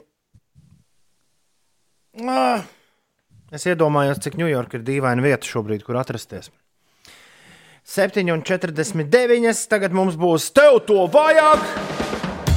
Tev to nevajag. Ja Buldis meklē vajadzīgas un galīgi nevajadzīgas mantas internetā. Nu, jā, jā, jā, jāsaka, ka pandēmija ievieš izmaiņas arī šajā rubrikā. Un šoreiz man ir trāpījušās dažas lietas, kas ir tieši saistītas ar tagadējo situāciju. Viena no tām, manuprāt, ļoti svarīga. Sejas maskas ar LED gaismām. Dažādās krāsās. Sarka. Labais! Tas nu, ceļotājiem naktī. Jā, Tas droši vien pašam ļoti forši ir. Nu, man liekas, tas traucē mazliet redzēju. ka tev tur ir kaut kāda gaismiņa, un droši vien arī forši, ka tev visu laiku pie sejas ir kaut kāda elektrība neliela. Bet, uh, nu, ko nedarīsi stilīguma vārdā. Uh, jā, protams, ka šis nāk no Japānas, kur jau tā sejas maskas mīl un gadiem ilgi, vēl pirms viss šis bija sācies. Un varbūt kāds uh, vēlas nu, uz šo vakaru nepaspējas, bet, bet uh, iz- izskatās katrā ziņā diezgan jēdzīgi uzlādē no USB. Izskatās, uh, un sajūta, ka parastai sejas maskai ir arī filtriņš, bet spīd visās garavīksnes krāsās. Es gan ne, nesaprotu, vai tās krāsas var mainīt. Izskatās, ka jā, ka tu vari saprogrammēt dažādas krāsas pēc gara stāvokļa. Šodien tev ir sarkanā diena, rīt tev būs dzeltenā diena un tā tālāk. Tā tad light up mask, LED, LED face mask. Meklē visādos portālos, gan jau var atrast daudz un dažādas variantus. Uh, tad vēl viens uh, no Japānas nācis brīnums. All alone, jeb pavisam viens, jeb pilnīgi viens telts.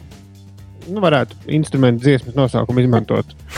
Uh, Izskatās kā tāds, uh, nu, tāds kā tīkla auduma kups, jeb telts, telts, uh, kurā tu nevari paslēpties no lietus, bet kurā tu vari paslēpties no bērniem un mājdzīvniekiem. Tāda ir tā doma.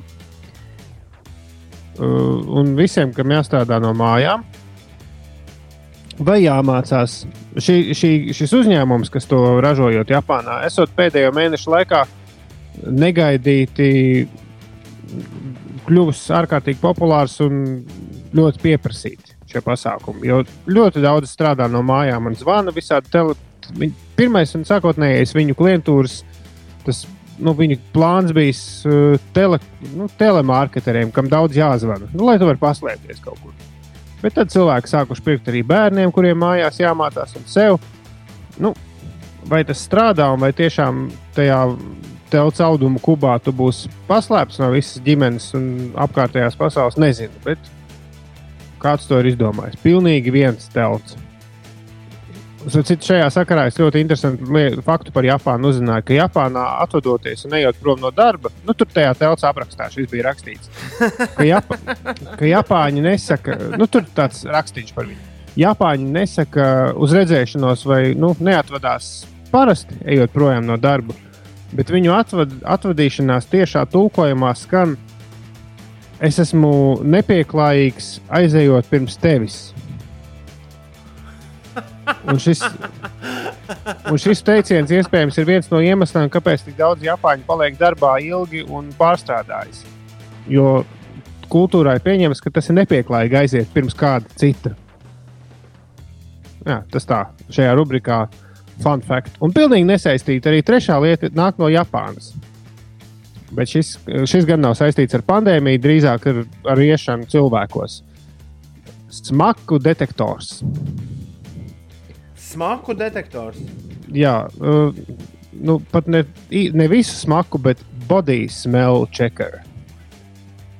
Ja konkrētāk, es simts handheld body smell Tu vari checker. uzzināt, vai tev smird zeķis vai nē. Nu, ne tikai zeķis, arī paduses, elpa. Nu, visur, kur var iedomāties un aizsniegt. Zobiņi un tā tālāk. Uh, aparāts nav lēts. 145 dolārus Amazonā maksā. Bet kas ir 145 dolāri pret to, ka tu uzzināsi, ka tev. Nu, beidzot uzzinās, kāpēc tev cilvēki iet ar līkumu.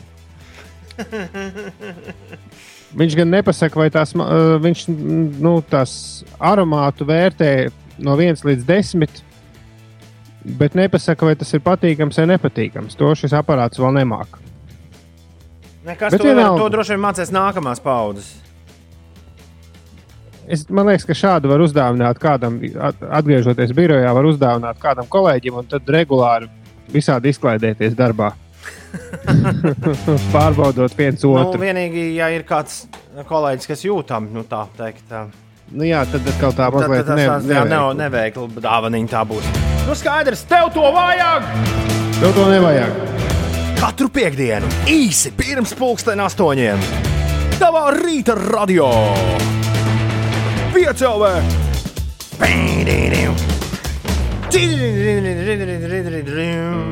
One puppy, sweat puppy, pipei, pipei, pipei. Un Tūmis ir atrakstījis SMS.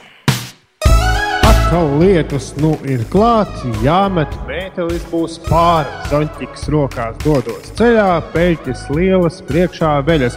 Radio man ausīs skan normas kāzu jubileju svin, bleņas darīt tieši es gribu, lai nu visi iet savu gaitu, dzīve nesīs jāstur smaidu un ar piedzīvojumu garšu. Tā mums tūmis rakstā. Tūmis rakstā, rakstā, rakstā, rakstā, rakstu rakstiem, rakstā. Tūmis šajā rītā rakstā SMS. Tiriri, piri, piri, piri, piri, pai, Pau! Labrīt! Ines, ko tu teiktu par Jā. vienu Toma testu? Ko? Aiziet, lai notiek. Ine, Uldi, ko tu teiktu par diviem Toma testiem? Ugh, ja tik daudz gudrība nemaz nav pasaulē. Tāpēc mums, mums viens Toma tests šīs dienas Toma testa kodu. Es, protams, izziņošu jau pavisam, pavisam drīz. Tā kā sausies, sausies. Viss būs tā kā vajag. Tā kā normāli piekdienās ir plānots. Interesantās ziņas arī iespējams būs. Un mēs parunāsim par, par, uh, par kaut kādiem scenārijiem, kas mums te var nākotnē sagaidīt. Jau pavisam, pavisam drīz. Tā kā paliec kopā ar mums, nedomā spiest pauzi, stop vai vēl kādu negādu to pogu, kādu vien tavā ierīcē var nospiest. Piektdiena, 10. jūlijas, skan Latvijas radio 5, 5 LV.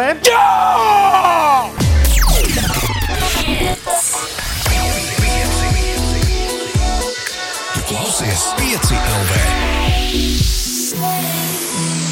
Radio, kas klausās.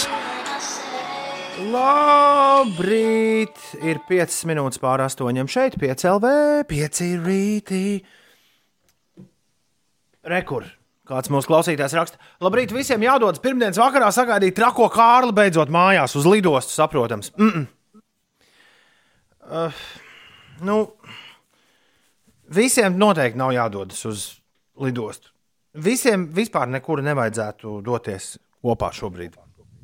Jo, uh, nu, kā mēs to dzirdējām arī ziņās, var sanākt, ka mēs esam priekšvakarā, lai vēlreiz atkārtotos tas trīs mēnešu scenārijs, kurā mēs jau vienreiz bijām. Jā, un, un Man pietika vakar parēķināt, ka, ja tiešām tas sākas, nu, tuvākajās dienās, es parēķināju, kad tas beigsies. Un tad, nu, ja scenārijs, piemēram, kaut vai atkārtojas tieši tāds, kāds tas bija sākot no marta, jā. man ar to pilnīgi pietika, lai censtos uh, tagad saprast, ka kaut kā ir jāsāk rīkoties bišķi savādāk nekā, mm, nu, nekā bija bišķi palaisti tā kā vaļā aizvadīt to Nu, sanāk- laikā. Sanāk, ka es savu dzimšanas dienu novembrī varētu svinēt, bet oktobrī gan vēl īsti neko. Jā. Nu, tā, apmēram tā rēķinot. Sanāk. Nu, jā, bet, bet nē, nu, t- tie, kas runā un arī ziņās minēja kaut kādas runas par otro vilni, mēs jau nekur neesam tikuši no pirmā, ne mēs, ne visa pasaule. Līdz ar to teikt, ka tuvojas otrais vilnis, nu, tas varbūt tā subjektīvi mēs te varam. Otrais, vi Bet- otrais vilnis būtu tādā gadījumā, ja be- viss būtu beidzies. Nu, un tā kā jā, nezinu, visā kādu mēnesi. pasaulē visi būtu miers, visi atkal ceļot, un tad pēkšņi atkal. Bet šobrīd jau nu, joprojām pasaulē katru dienu tiek uzstādīti rekordi jaunu gadījumu skaita ziņā. Dažādās valstīs, īpaši ASV, un arī dažās mūsu kaimiņu valstīs, tepat netālu. Es zinu, kā Ines, kā, kā vienīgā no mums, kas ir devusies ceļojumā aizvadīto nedēļu laikā, uh, droši vien, droši vien bišķiņi būs pikti, kā es tā teikšu, bet, bet mēs šobrīd redzam un dzirdam galveno, es vismaz redzu un dzirdu galvenokārt to, ka, ja mēs būtu robežas turējuši ciet vai arī dzīvojuši savā Baltijas burbulī, mēs visticamāk šobrīd vispār nu, nekādu bēdu nepazītu.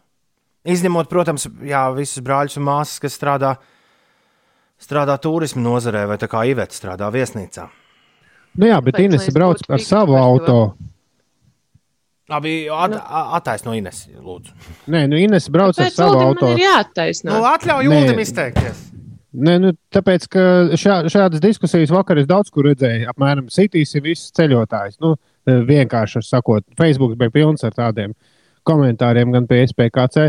Bet, nu, kā taču mu- mums teica, ka ceļot uz, uz konkrētām valstīm ir droši. Uh, Somija pie tam galīgi ne, nav no tām trakākajām valstīm. Ines brauc ar savu auto. Abi, jo, jo lidot galīgi, man liekas, stulbi. Jebkurās, uz jebkuru valsti šobrīd lidot ir. Nu, nevajadzīgi bīstami. Visa tā mazā slēgtā telpa, bet braucot ar savu auto, pie tam braucot uz mežu, kāpt klintīs, kur, tu, kur tā nav apkārt cilvēku. Nu, tas jau galīgi neizklausās traki, bet nu, nu, tik un tā mēs esam tur, kur mēs esam. Un pilnas Facebook grupas ar stāstiem par to, cik, uj, cik forši tagad ir Itālijā. Man arī būs iespēja izteikties. Jā, Jā, jā, viss. mēs klausāmies. À, nu, paldies, uh, Uldi, par tavu skaidrojumu, par manu ceļojumu. Ļoti jauki. Uh, bet, uh, jā, nu, visi tie, kas grib ceļot, droši vien būtu jāizvērtē, uz kuru valsti brauc un kā brauc. Ja tiešām ļoti vajag uh, ceļot. Tā ir viena lieta. Otra lieta ir, nu, diezgan daudz jau iebrauc arī pie mums. Ne, ne latvieši, bet ārzemju turisti, kas uh, brauc no valstīm, kurās ir uh, diezgan augsts saslimušo skaits. Ļoti Jā, iespējams, tā kā- ļoti iespējams ka kustība ir divvirziena. Ļoti iespējams, ka Edžulim ir taisnība. Ka šis viss nebeigsies, līdz nebūs vakcīna. Ļoti iespējams, bet mums kaut kā tas ir, šis laiks ir jāizdzīvo. Mēs nevaram nospiest tagad pauzi un blūzi. Nekas nenotiks. Jā, par ceļošanu Uga Dumpis ļoti pašs vakar Twitterī rakstīja, atbildot Olgai Dragaļai uz jautājumu, vai ir droši ceļot, cik riskanti būtu ceļot uz Somiju uz ģimenes pasākumu, laikam ar lidmašīnu. Viņš, viņš atbild šādi: Šodien nav riskants, rīt ir. To nevar paredzēt, un vīrusu izplatīšanos arī nevar paredzēt. Un lidojums ir īpašs riska faktors. Nu, tas par ceļošanu. Jānis, Jānis prasa, es nesaprotu, cik ilgi muļās to Covid. Jāni, vai tiešām kādam tavam radiniekam ir uh, jāsaslimst uh, un smagi jāsaslimst, lai, lai tu pievērstu šim nopietnu uzmanību? Jā. Bet ir labā ziņa. Uh, Jā, Ilza raksta, ka lidostas ir tukšas, lidmašīnā ir tīrāks gaiss, kā jebkur riska inficēties praktiski nav. Tas nozīmē, ja nu, vienīgi, ja visi sēž maskās. Un tu nekādi ne, netuvojies citiem cilvēkiem. Ja tu lido tukšā lidmašīnā, tad skaidrs, ka tas ir droši. Bet uh, runa ir par to, ka, ka cilvēki nu, mīcās kopā. Es, es sev esmu personīgi uzstādījis nu, plānu, ka mazliet ir jāatgriežas un jāpā, jāapsver vajadzība, nu, sasveicinoties, tur sabučoties un tā tālāk. Nu, nu, varbūt bez tā kādu brīdi varētu arī iztikt. Bišķi atkal rūpīgāk jāmazgā rokas un jādomā, kam un kur skaries klāt un neiet uz pasākumiem iekštelpās. Kurā brīdī jūs pārtraucāt mazgāt rokas? Es visu laiku mazgāju rokas. Es arī visu laiku mazgāju, liekas, bet, nu, teiksim, tas ir dezinfekcijas tik ļoti. Šis jau ir tik ļoti iegājies kultūrā, pilnīgi. Iejot veikalā, dezinficē rokas, iziet no veikala, dezinficē rokas, mājās vienmēr mazgā rokas, visur citur arī mazgā rokas. Es arī skatos SPKC ieteikumus Covid-19 profilaksē. Es nezināju, ka ikvienam šobrīd ir iespēja veikt, uh, nu, es nebiju iedziļinājies, biju kaut ko pa ausu galam dzirdējis, bet ikvienam ir iespēja arī veikt apmaksātu Covid-19 testu arī tad, ja nav saslimšanas simptomu. Un iepriekš ir obligāti jāpierakstās un ir jāzvan uz tālruņa numuru 8303, 8303. Šobrīd, starp citu, numurs jau strādā no 8 līdz 8 darba dienās. Sestdienās no 9 līdz 3 un svētdienās no 9 līdz 12. Tā kā ir, eh, ir iespēja tikt pie Covid-19 testa šobrīd ikvienam, ja gadījumā eh, tev rodas uztraukums un tu gribi zināt, ka varbūt kaut kas un kaut kā ir gadījies. Bet man šķiet, ka tieši pasākums iekštelpā un vispār uh, ilgstoša uzturēšanās kaut kur iekštelpā ar nepazīstamiem cilvēkiem ir milzu atslēga. Nu, inficēšanās gan parasti visi, visi šie pēdējie dienu gadījumi ir tieši ar pazīstamiem cilvēkiem. Nu, savas balītes, nevis svešas balītes. Dzimšanas dienas, un, un nu, kāds ir bijis kādā ceļojumā, vai saticis kādu, kurš ir bijis ceļojumā. Un, sava, un tur tā lieta, ka savās balītēs cilvēki ir daudz tuvāk kopā nekā svešās balītēs. Jā, nav tik piesardzīgi. Jā, bet nu, nu, droši vien, ka kāds gaida, lai mēs tagad pateiktu, nu, vai arī negaida, bet mēs tik un tā pateiksim, ko tad īsti darīt. Man šķiet, ka uh, izvairīties no pasākumiem, kuros nevar ieturēt divu metru distanci, un izvairīties no pasākumiem iekštelpās, ir prātīgs ieteikums. To, ka lidot nevajadzētu, nu, un viss tā roka mazgāšana. Viss. Man grib pierunāt lidot uz Eģipti augustā, raksta Jānis Kalniņš. Pēc jūsu teiktā, man būtu jābūt kategoriski pret šo avantūru. Pagaidām vēl nē. Pagaidām joprojām oficiāli ieteikumi ir uh, SPKC mājaslapā, kur, kurā vietā ir Eģipte. Tur paskatīšos. Mm. Nu, sakot līdzi šim sarakstam par valstīm, bet nu, tas, tas nepatīkamais jau tas, ka mums tas, tas grafiks sāk izskatīties slikti Latvijā. Valsts saslimstības rādījumi. Un jo sliktāk izskatīsies grafiks, jo, jo tuvāk mēs būsim atkal atpakaļ tam, kur mēs jau bijām. Jā, bet atgādināsim, ka tas, kur mēs bijām, Latvijā bija viena no vismierīgākajiem ierobežojumiem pasaulē. Mums ļoti maz kas tika slēgts, mums nebija lockdown vispār. Un, nu, būtu ļoti forši, ja mēs.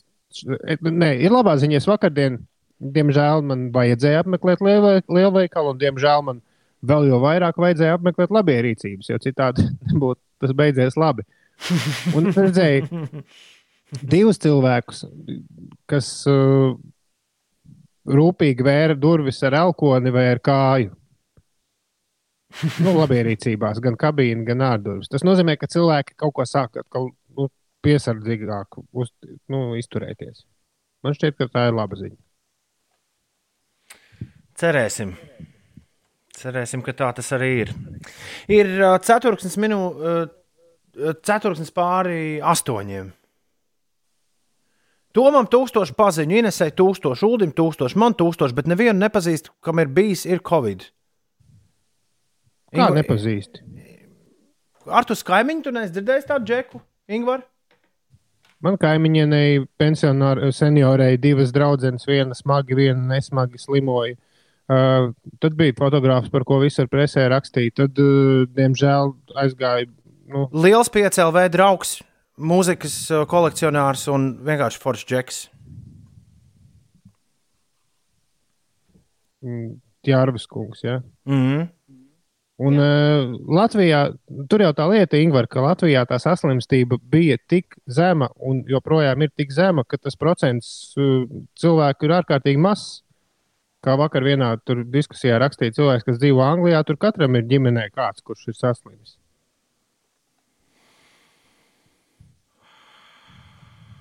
Nu tā, apmēram. Tā kā netrūkst, tiešām netrūkst. Man arī mūziķi aprindās vairāk ir gan paši izslimojuši. Viens, viens puisis Slovākijā bija, un viņš kā viņam bija diezgan nu, grūti. Bet tā kā tas nebija ļoti smags gadījums, un viņš bija cilvēks spēka gados, nu, ap 20. Viņu neņēma slimnīcā, jo slimnīcā ņēma akūtos gadījumus. Viņam bija jāveseļojas mājās, un nu, tur esot bijis tā, ka to vienu nedēļu tiešām nu, tā, ka nezinu, kur likties. Nu, pavisam nesen. Maigi izsakoties, ļoti mēs taču uzzinājām arī, arī uh, par futbola federācijas kongresu. Tur taču ar cilvēks bija nosaukts vārdā, kas ir saslims, vai tad ne? Jā, bet, Ingūna, paskat, paskaties to skaitli, cik Latvijā ir saslimušo, cik to ir maz. Un padomā, pateicoties, kam tas tā ir. Un uh, tad parēķini, kā, kāda ir iespēja, ka šajā te. Jā. Ko tad tā pusvārdā aprāvies, kolēģi? Es lai izlasīju īziņu, ko mēs nelasīsim ēterā. Skaidrs, ka mēs to nelasīsim. Ir ā, 17 minūtes pāri astoņiem. Jebkurā gadījumā sausais atlikums ir tieši tas pats, kas ir bijis šeit mēnešiem ilgi. Mazgājām rokas, divi metri, un kas tur vēl bija? Bija trīs lietas. Tā kā mēs sākām šo visu. Ines pat lika mums pantiņu. E, Rokas ziepes Mājas. divi metri. À, tur nebija Mājas, mājas, Mājas, ziepes. Nē, es, es domāju, Eģiņam atbildēju, jo šī tā te atkal ir. Nu, protams, kā arī Facebookā ir uzradušies uh, runātāji, kas tad ar gripu, kāpēc par gripu tā nerunā. Gripai nav tik melnas statistikas, Eģiņa, un gripai ir vakcīna. Ar to arī šis atšķiras. Ka nav prognozējams, kā, un, cil, un cilvēkiem šausmīgi gribas, lai pasakā, kas notiek tagad un kā būs rīt. To neviens nevar pateikt. Vai nevar par kaut ko priecīgāku no rīta runāt? Var, jā, bet mums šis bija jāizrunā. Jo nu, vakardienas un aizvakardienas cipari rāda, ka. Tūlīt ka var cilvēki- sanākt atkal mega ziepes. Come on! Un mēs negribam mega ziepes. Man ir apnicis sēdēt mājās.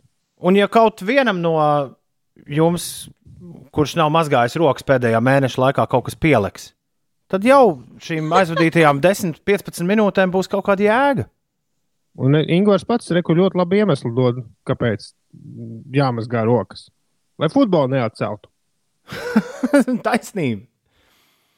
Taisnība. Ines, kas, ar, kas uz A8 notiek? JJ's prasa. Man, man rāda, ka tur 15 minūtes ir no olainas līdz jaunolainai. Varbūt tie, 15 kas stāv sastrēgumā, var slavas. paskaidīt minūtes. un, Un gūt pateikt savus 15 precīzāk minūtes cifru. slavas. Ok, uh, draugi, mīļie, joprojām tad ceru, ka kādam varbūt kaut kas, kaut kas, par ko mēs runājam, liks bišķiņi padomāt par šo un to. Bet tagad, jā, Uldi. Es gribēju pateikt, uh, lai mazliet arī nomainītu tēmu, pirms mēs ejam tālāk. Kāds ir piks, ka mēs neatbildam uz jautājumu, kādu mašīnu Ines beigās nopirka. To var dzirdēt mūsu podkāstā. Ej, punkts uz Sleepsvītra podkāstu. Atradīsi. Man liekas, vesels podkāsts ir veltīts Ines mašīnai. Labi, bet tagad uh, es tomēr gribētu traukties uz priekšu šīs dienas raidījumā. Ir piekdiena, mums ir jāuzspēlē Toma tests visiem, kas ir uh, šorīt kopā ar mums. E-punkts uz slīpsvītra Toma tests. Tev ir jāievada šīs dienas spēles kods, kurš ir 083 967. 083 967. E-punkts uz slīpsvītra Toma tests. Šīs dienas spēles kods visiem tiem, kas vēlas spēlēt kopā ar citiem klausītājiem online. Ir 083 967. Ance, Arvīts, Klinta, Ingūns, Marika, Trakais Trusis, Andris, Alberts, Jānis, Signe, Ines, Jēkabs. Jau vairāk kā 20 spēlētāji ir pieteikušies. Protams, spēli var spēlēt arī ne, nereģistrējoties online, bet online, nu tā, kopā jautrāk. E-punkts uz slīpsvītra Toma tests 083 967 083 967. Pirms mēs sākām šķietināt, šķietināt, nu jā, to, kas un kā mums jādara, kas un kā var gadīties, kas un kā var notikt. Māris man rakstīja, Tom, lūdzu, neliec tik bieži to bļaujošo ukselmani. Es saprotu, ka ir šis domāts. Jā! Izklausās pēc maza tēta vecās vācu video kasetes skatoša draiskuļa, nevis cilvēka, kas priecājas par piekdienas rītu. Jā! Interesants salīdzinājums.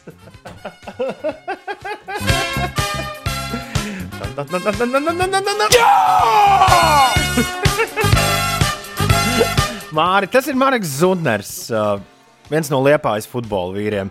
Un viņš šādi bļāva tad, kad Liepāja izcīnīja Latvijas virslīgā kausu.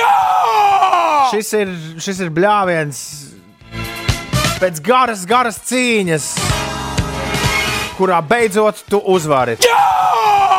Tajā nav nekāda slēpta zemteksta. Mieru, tikai mieru. Cēlies augšā! Ir pienācis laiks piekdienai! Vai tas nav jauki? Tas bija Latvijā! Neaizmirst šodien apsveikt vārdienās cilvēkus, kur ir jāapsveic vārdienās. Tā, kas tad mums tas šodien bija? Pilnīgi piemirsies. Līja, Olivers, Olivija un Odrija. Lijai, Oliveram, Olivijai un Odrijai šodien 10. jūlijā sveiciens vārdu dienā. Girtam Jakovļam 80! Juhu! Jessikai Simpsonai arī apaļā jubileja, bet neteiksim jau cik. Meivisai Staplai, amerikāņu blūza dāmai, daudz laimes. Sofijai Vergārai, aktrisei un Bela Fleka. Um, jā, Belam Flekam, amerikāņu banjo spēlētājam un dziesminiekam daudz laimes dzimšanas dienā, lai viss pa pirmo! Jā.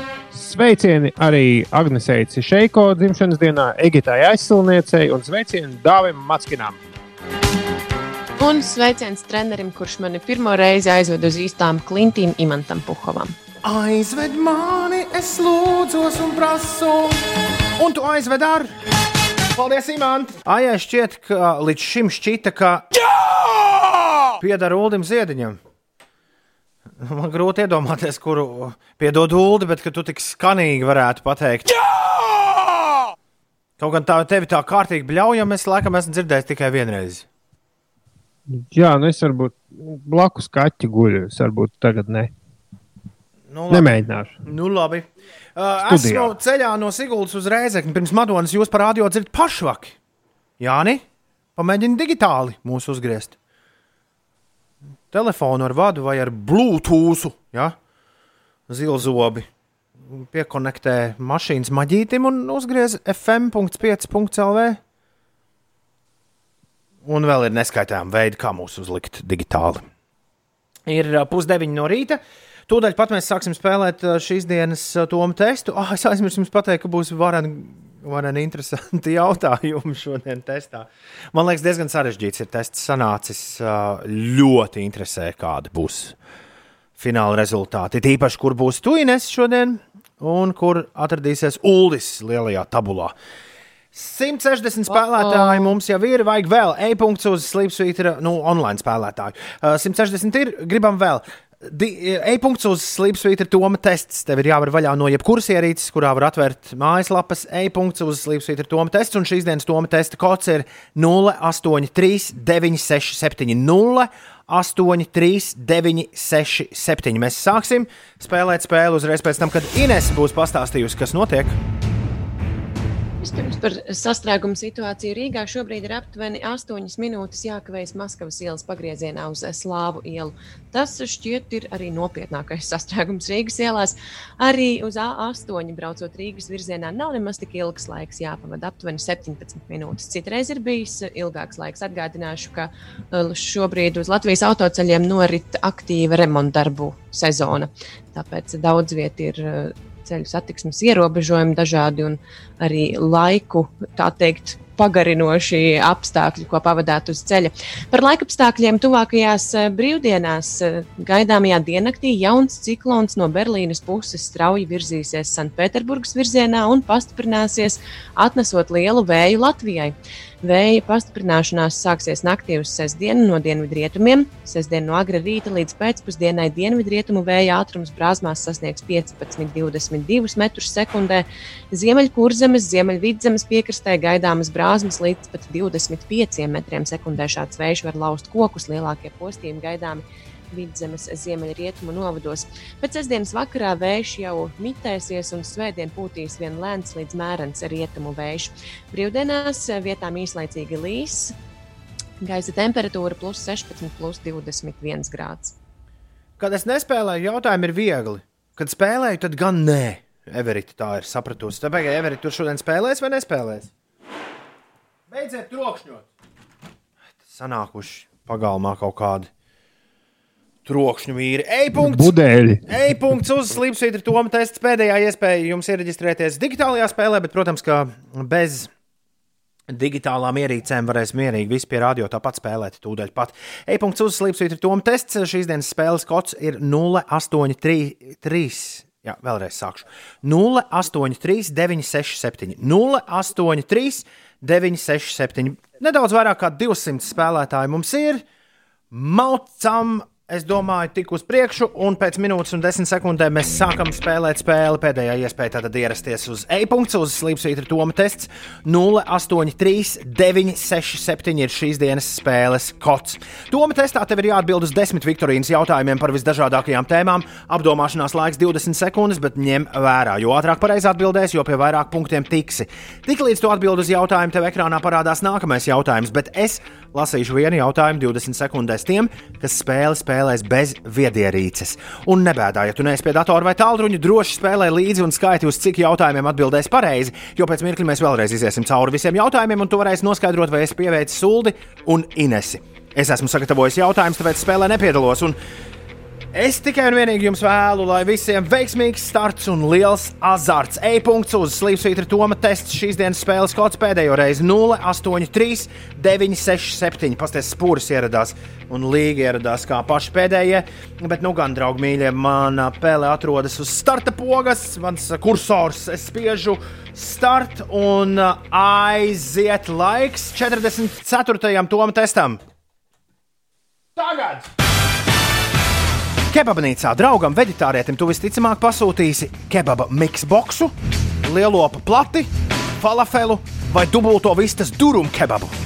Kebabnīcā draugam, vegetārietim, tu visticamāk pasūtīsi kebaba miksboxu, lielopu plati, falafelu vai varbūt dubulto vistas durumu kebabu. Kurš no šiem ir leģendārs ASV TV šovu vadītājs?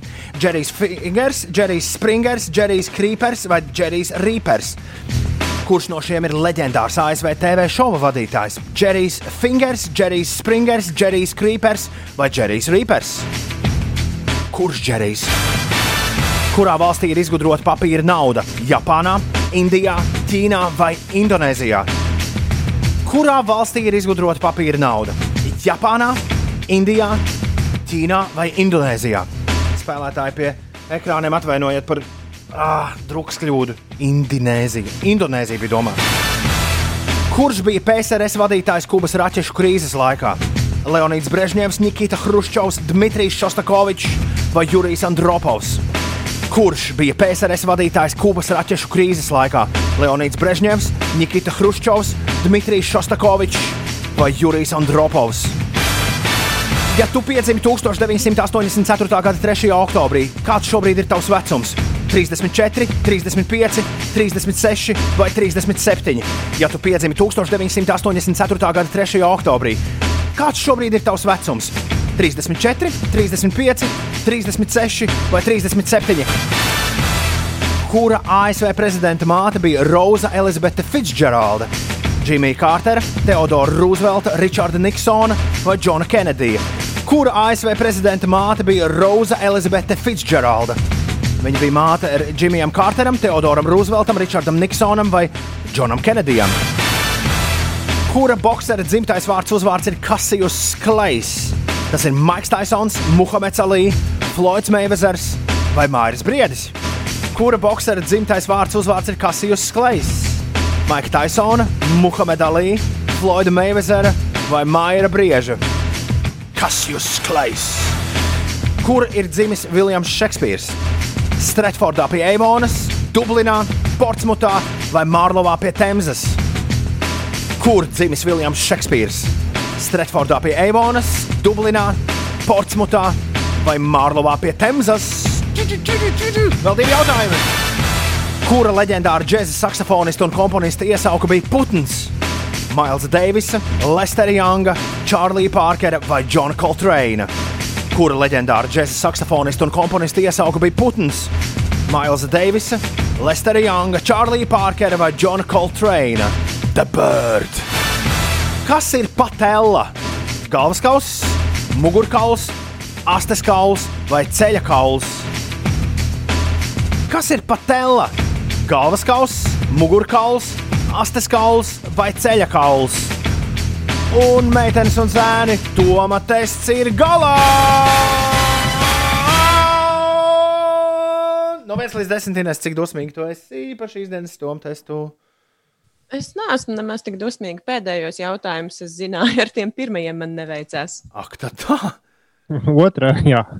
Šis izklausās interesanti. Es spiežu spēles finiša pogu, un visai drīz mēs, eh, visai drīz mēs uzzināsim, vai Ulas zināja atbildi uz viņam veltīto jautājumu par džēzu. Ingūns priecīgs, ka viņš to uzvarējis.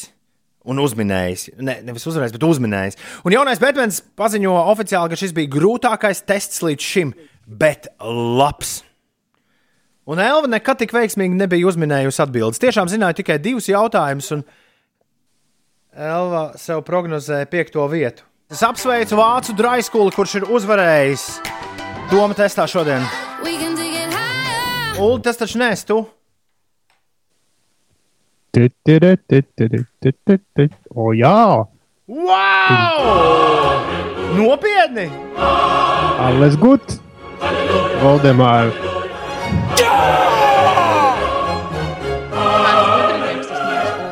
Ko lūdzu, ko tu saki? Ines? Es saku, kāds gudrinieks tas mūsu Uldis. Uldis Es ir kā- Kāds? Uldis pirmo reizi mūžā ir uzvarējis Doma testā. Nē, Vai tad nē? vismaz trešā. Ir vairākas reizes. Kad Uldis ir bijis pirmajā vietā, vai tad? Jā, jā, jā, vismaz trešā reize šī ir. Bet, bet ne, iepriekšējās reizes nebija tik traki kā šoreiz, ka es pie kaut kāda sestā vai septītā jautājuma pamanīju, ka es esmu atrāvies pa kaut kādiem 3000 punktiem. Tā gan nav bijis. Parasti viss ir tur punktu punktā. Wow! Un pēc tam šoreiz bija diezgan lēni, bet lēnas atbildes. Bet, Šodien, un tāds vienkāršs Doma tests, jā, tad beigās sanāk. Nu, Easy, nebija gan- Easy, peasy. iesim cauri, tad jau ne, nebija, nebija viegls. Evo, bet apsveicam! Lielisks rezultāts! Mārtiņš raksta, ka uz dopingu jāved Uldis. Ulu, lūdzu, re, kur ir uh, trauciņš, jā? Iedaries! Es Vācijā aizsūtīšu.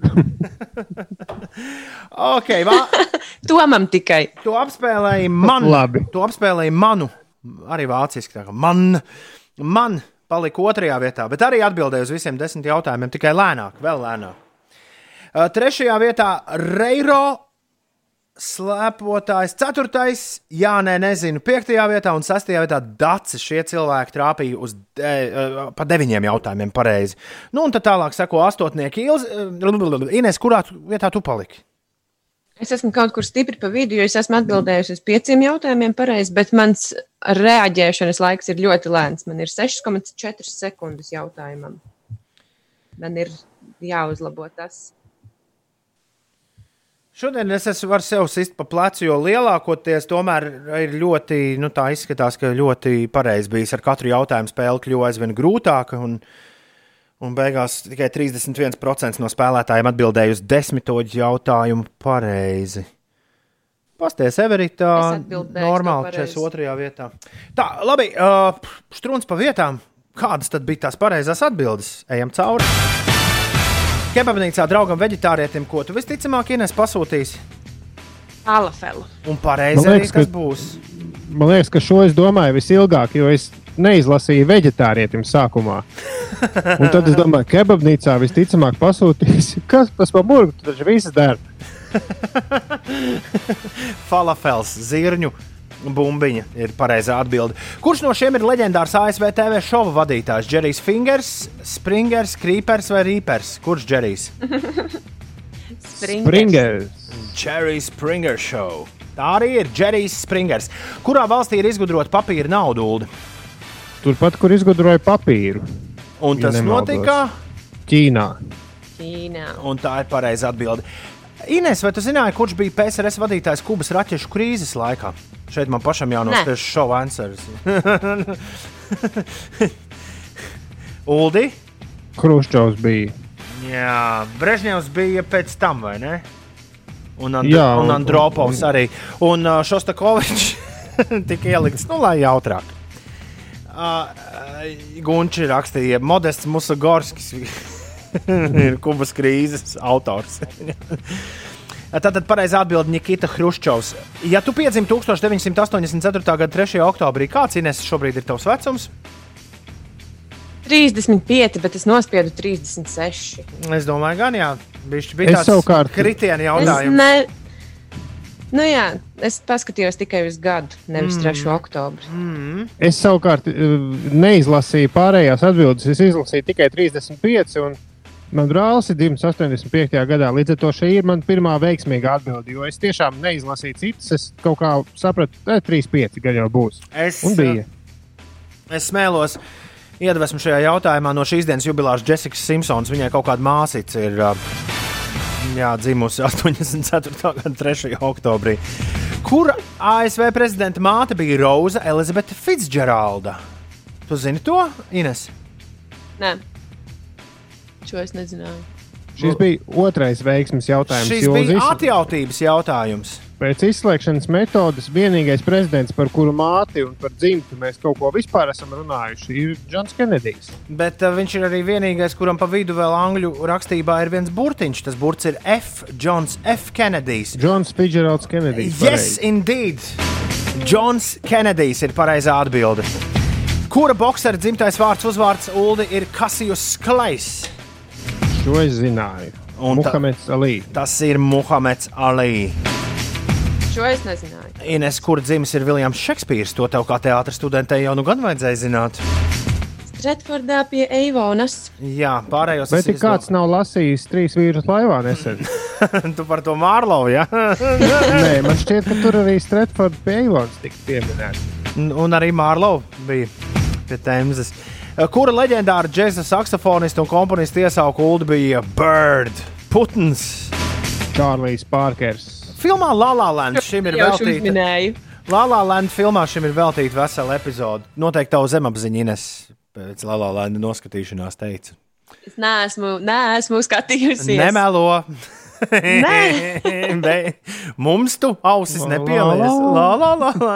Čārlijs Pārkers, The Bird. Bija pareizā atbilde. Un vai jūs zinājāt, kas ir patela? Protams, Šis... Tu zināji, Ines? es to zināju. Jā. Man šis bija Man ir trešais diezgan jautājums. liela Kurā... darīšana bijusi ar šo. À, nu tad es esmu laimīgs cilvēks, jo es šo uzminēju. Man bija astes kauls vai ceļa kauls jāmin, un, un es pieņēmu, ka astes kaulu mēs būtu kaut kādi, būtu būt bijuši kaut kādi jociņi par patēlu. Kāpēc, kāpēc ne galvas kausa vai mugurkauls? Pārāk populāri. Nu, pārāk populāri kauli, lai nezinātu to nosaukumu. Okay. Nu, kaut kā tā, man doma gājiena. Ceļa kauls bija pareizā atbilde. Apsveic visus, kuri šodien uh, ieguva piekdienas prieku, spēlējot tomu testu. Nākamā piekdiena būs vēl. Ines, pastāsti, kas notiek? Nā, man tomēr būs jāstāsta, kas notiek. Jā, jā. Uh, Brīvdienas gaidāmas ir diezgan vējainas. 15 līdz 22 m2. Tāds vēja ātrums būs gaidāms uh, rīt uh, Ārprāt. pēcpusdienā. Špūtīs, nu, Jā, cepuri, un- no galvas nost. Ziemeļkurzemes un Ziemeļvidzemes eh, jūras piekrastē būs pat vēl lielāks vējš, līdz pat 25 metriem sekundē. Gaisa temperatūra būs plus 16, plus 21 grāds. Nākamā nedēļa dažviet īslaicīga līs. Nedēļas vidū gan gaisa iesils līdz plus 19, plus 24 grādu atzīmē. Nedēļas otrajā pusē pieaugs ciklonu un plašu nokrišņu varbūtība. Tas ir par gaidāmo nedēļu, bet eh, par šodienu. Arī šodien daudzās Latvijas vietās būs sīks vai mērens lietus. Dienas otrajā pusē līs vairs tikai vietām, vairāk latgalē.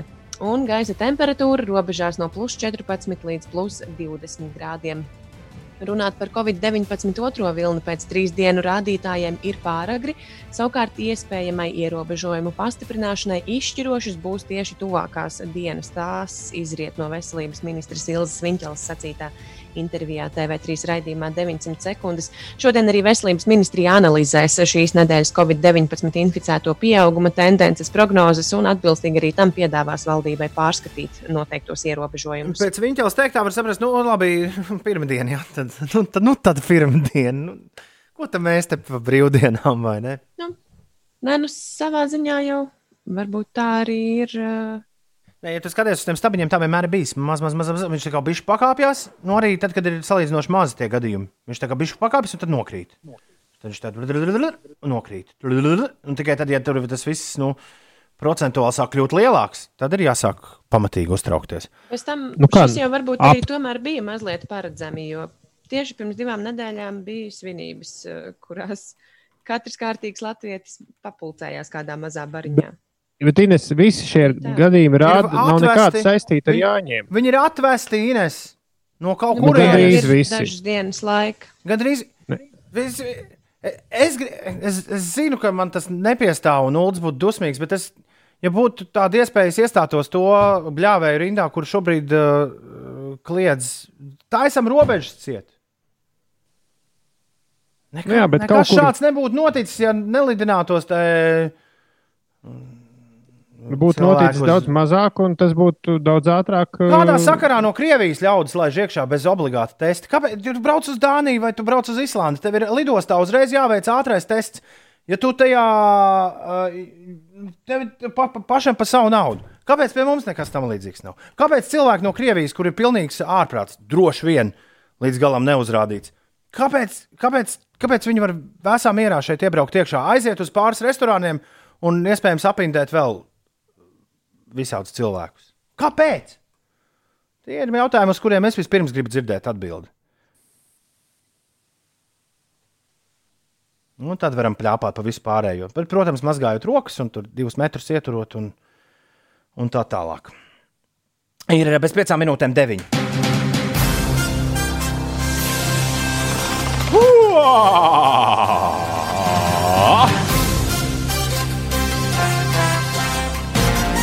Piektdienā!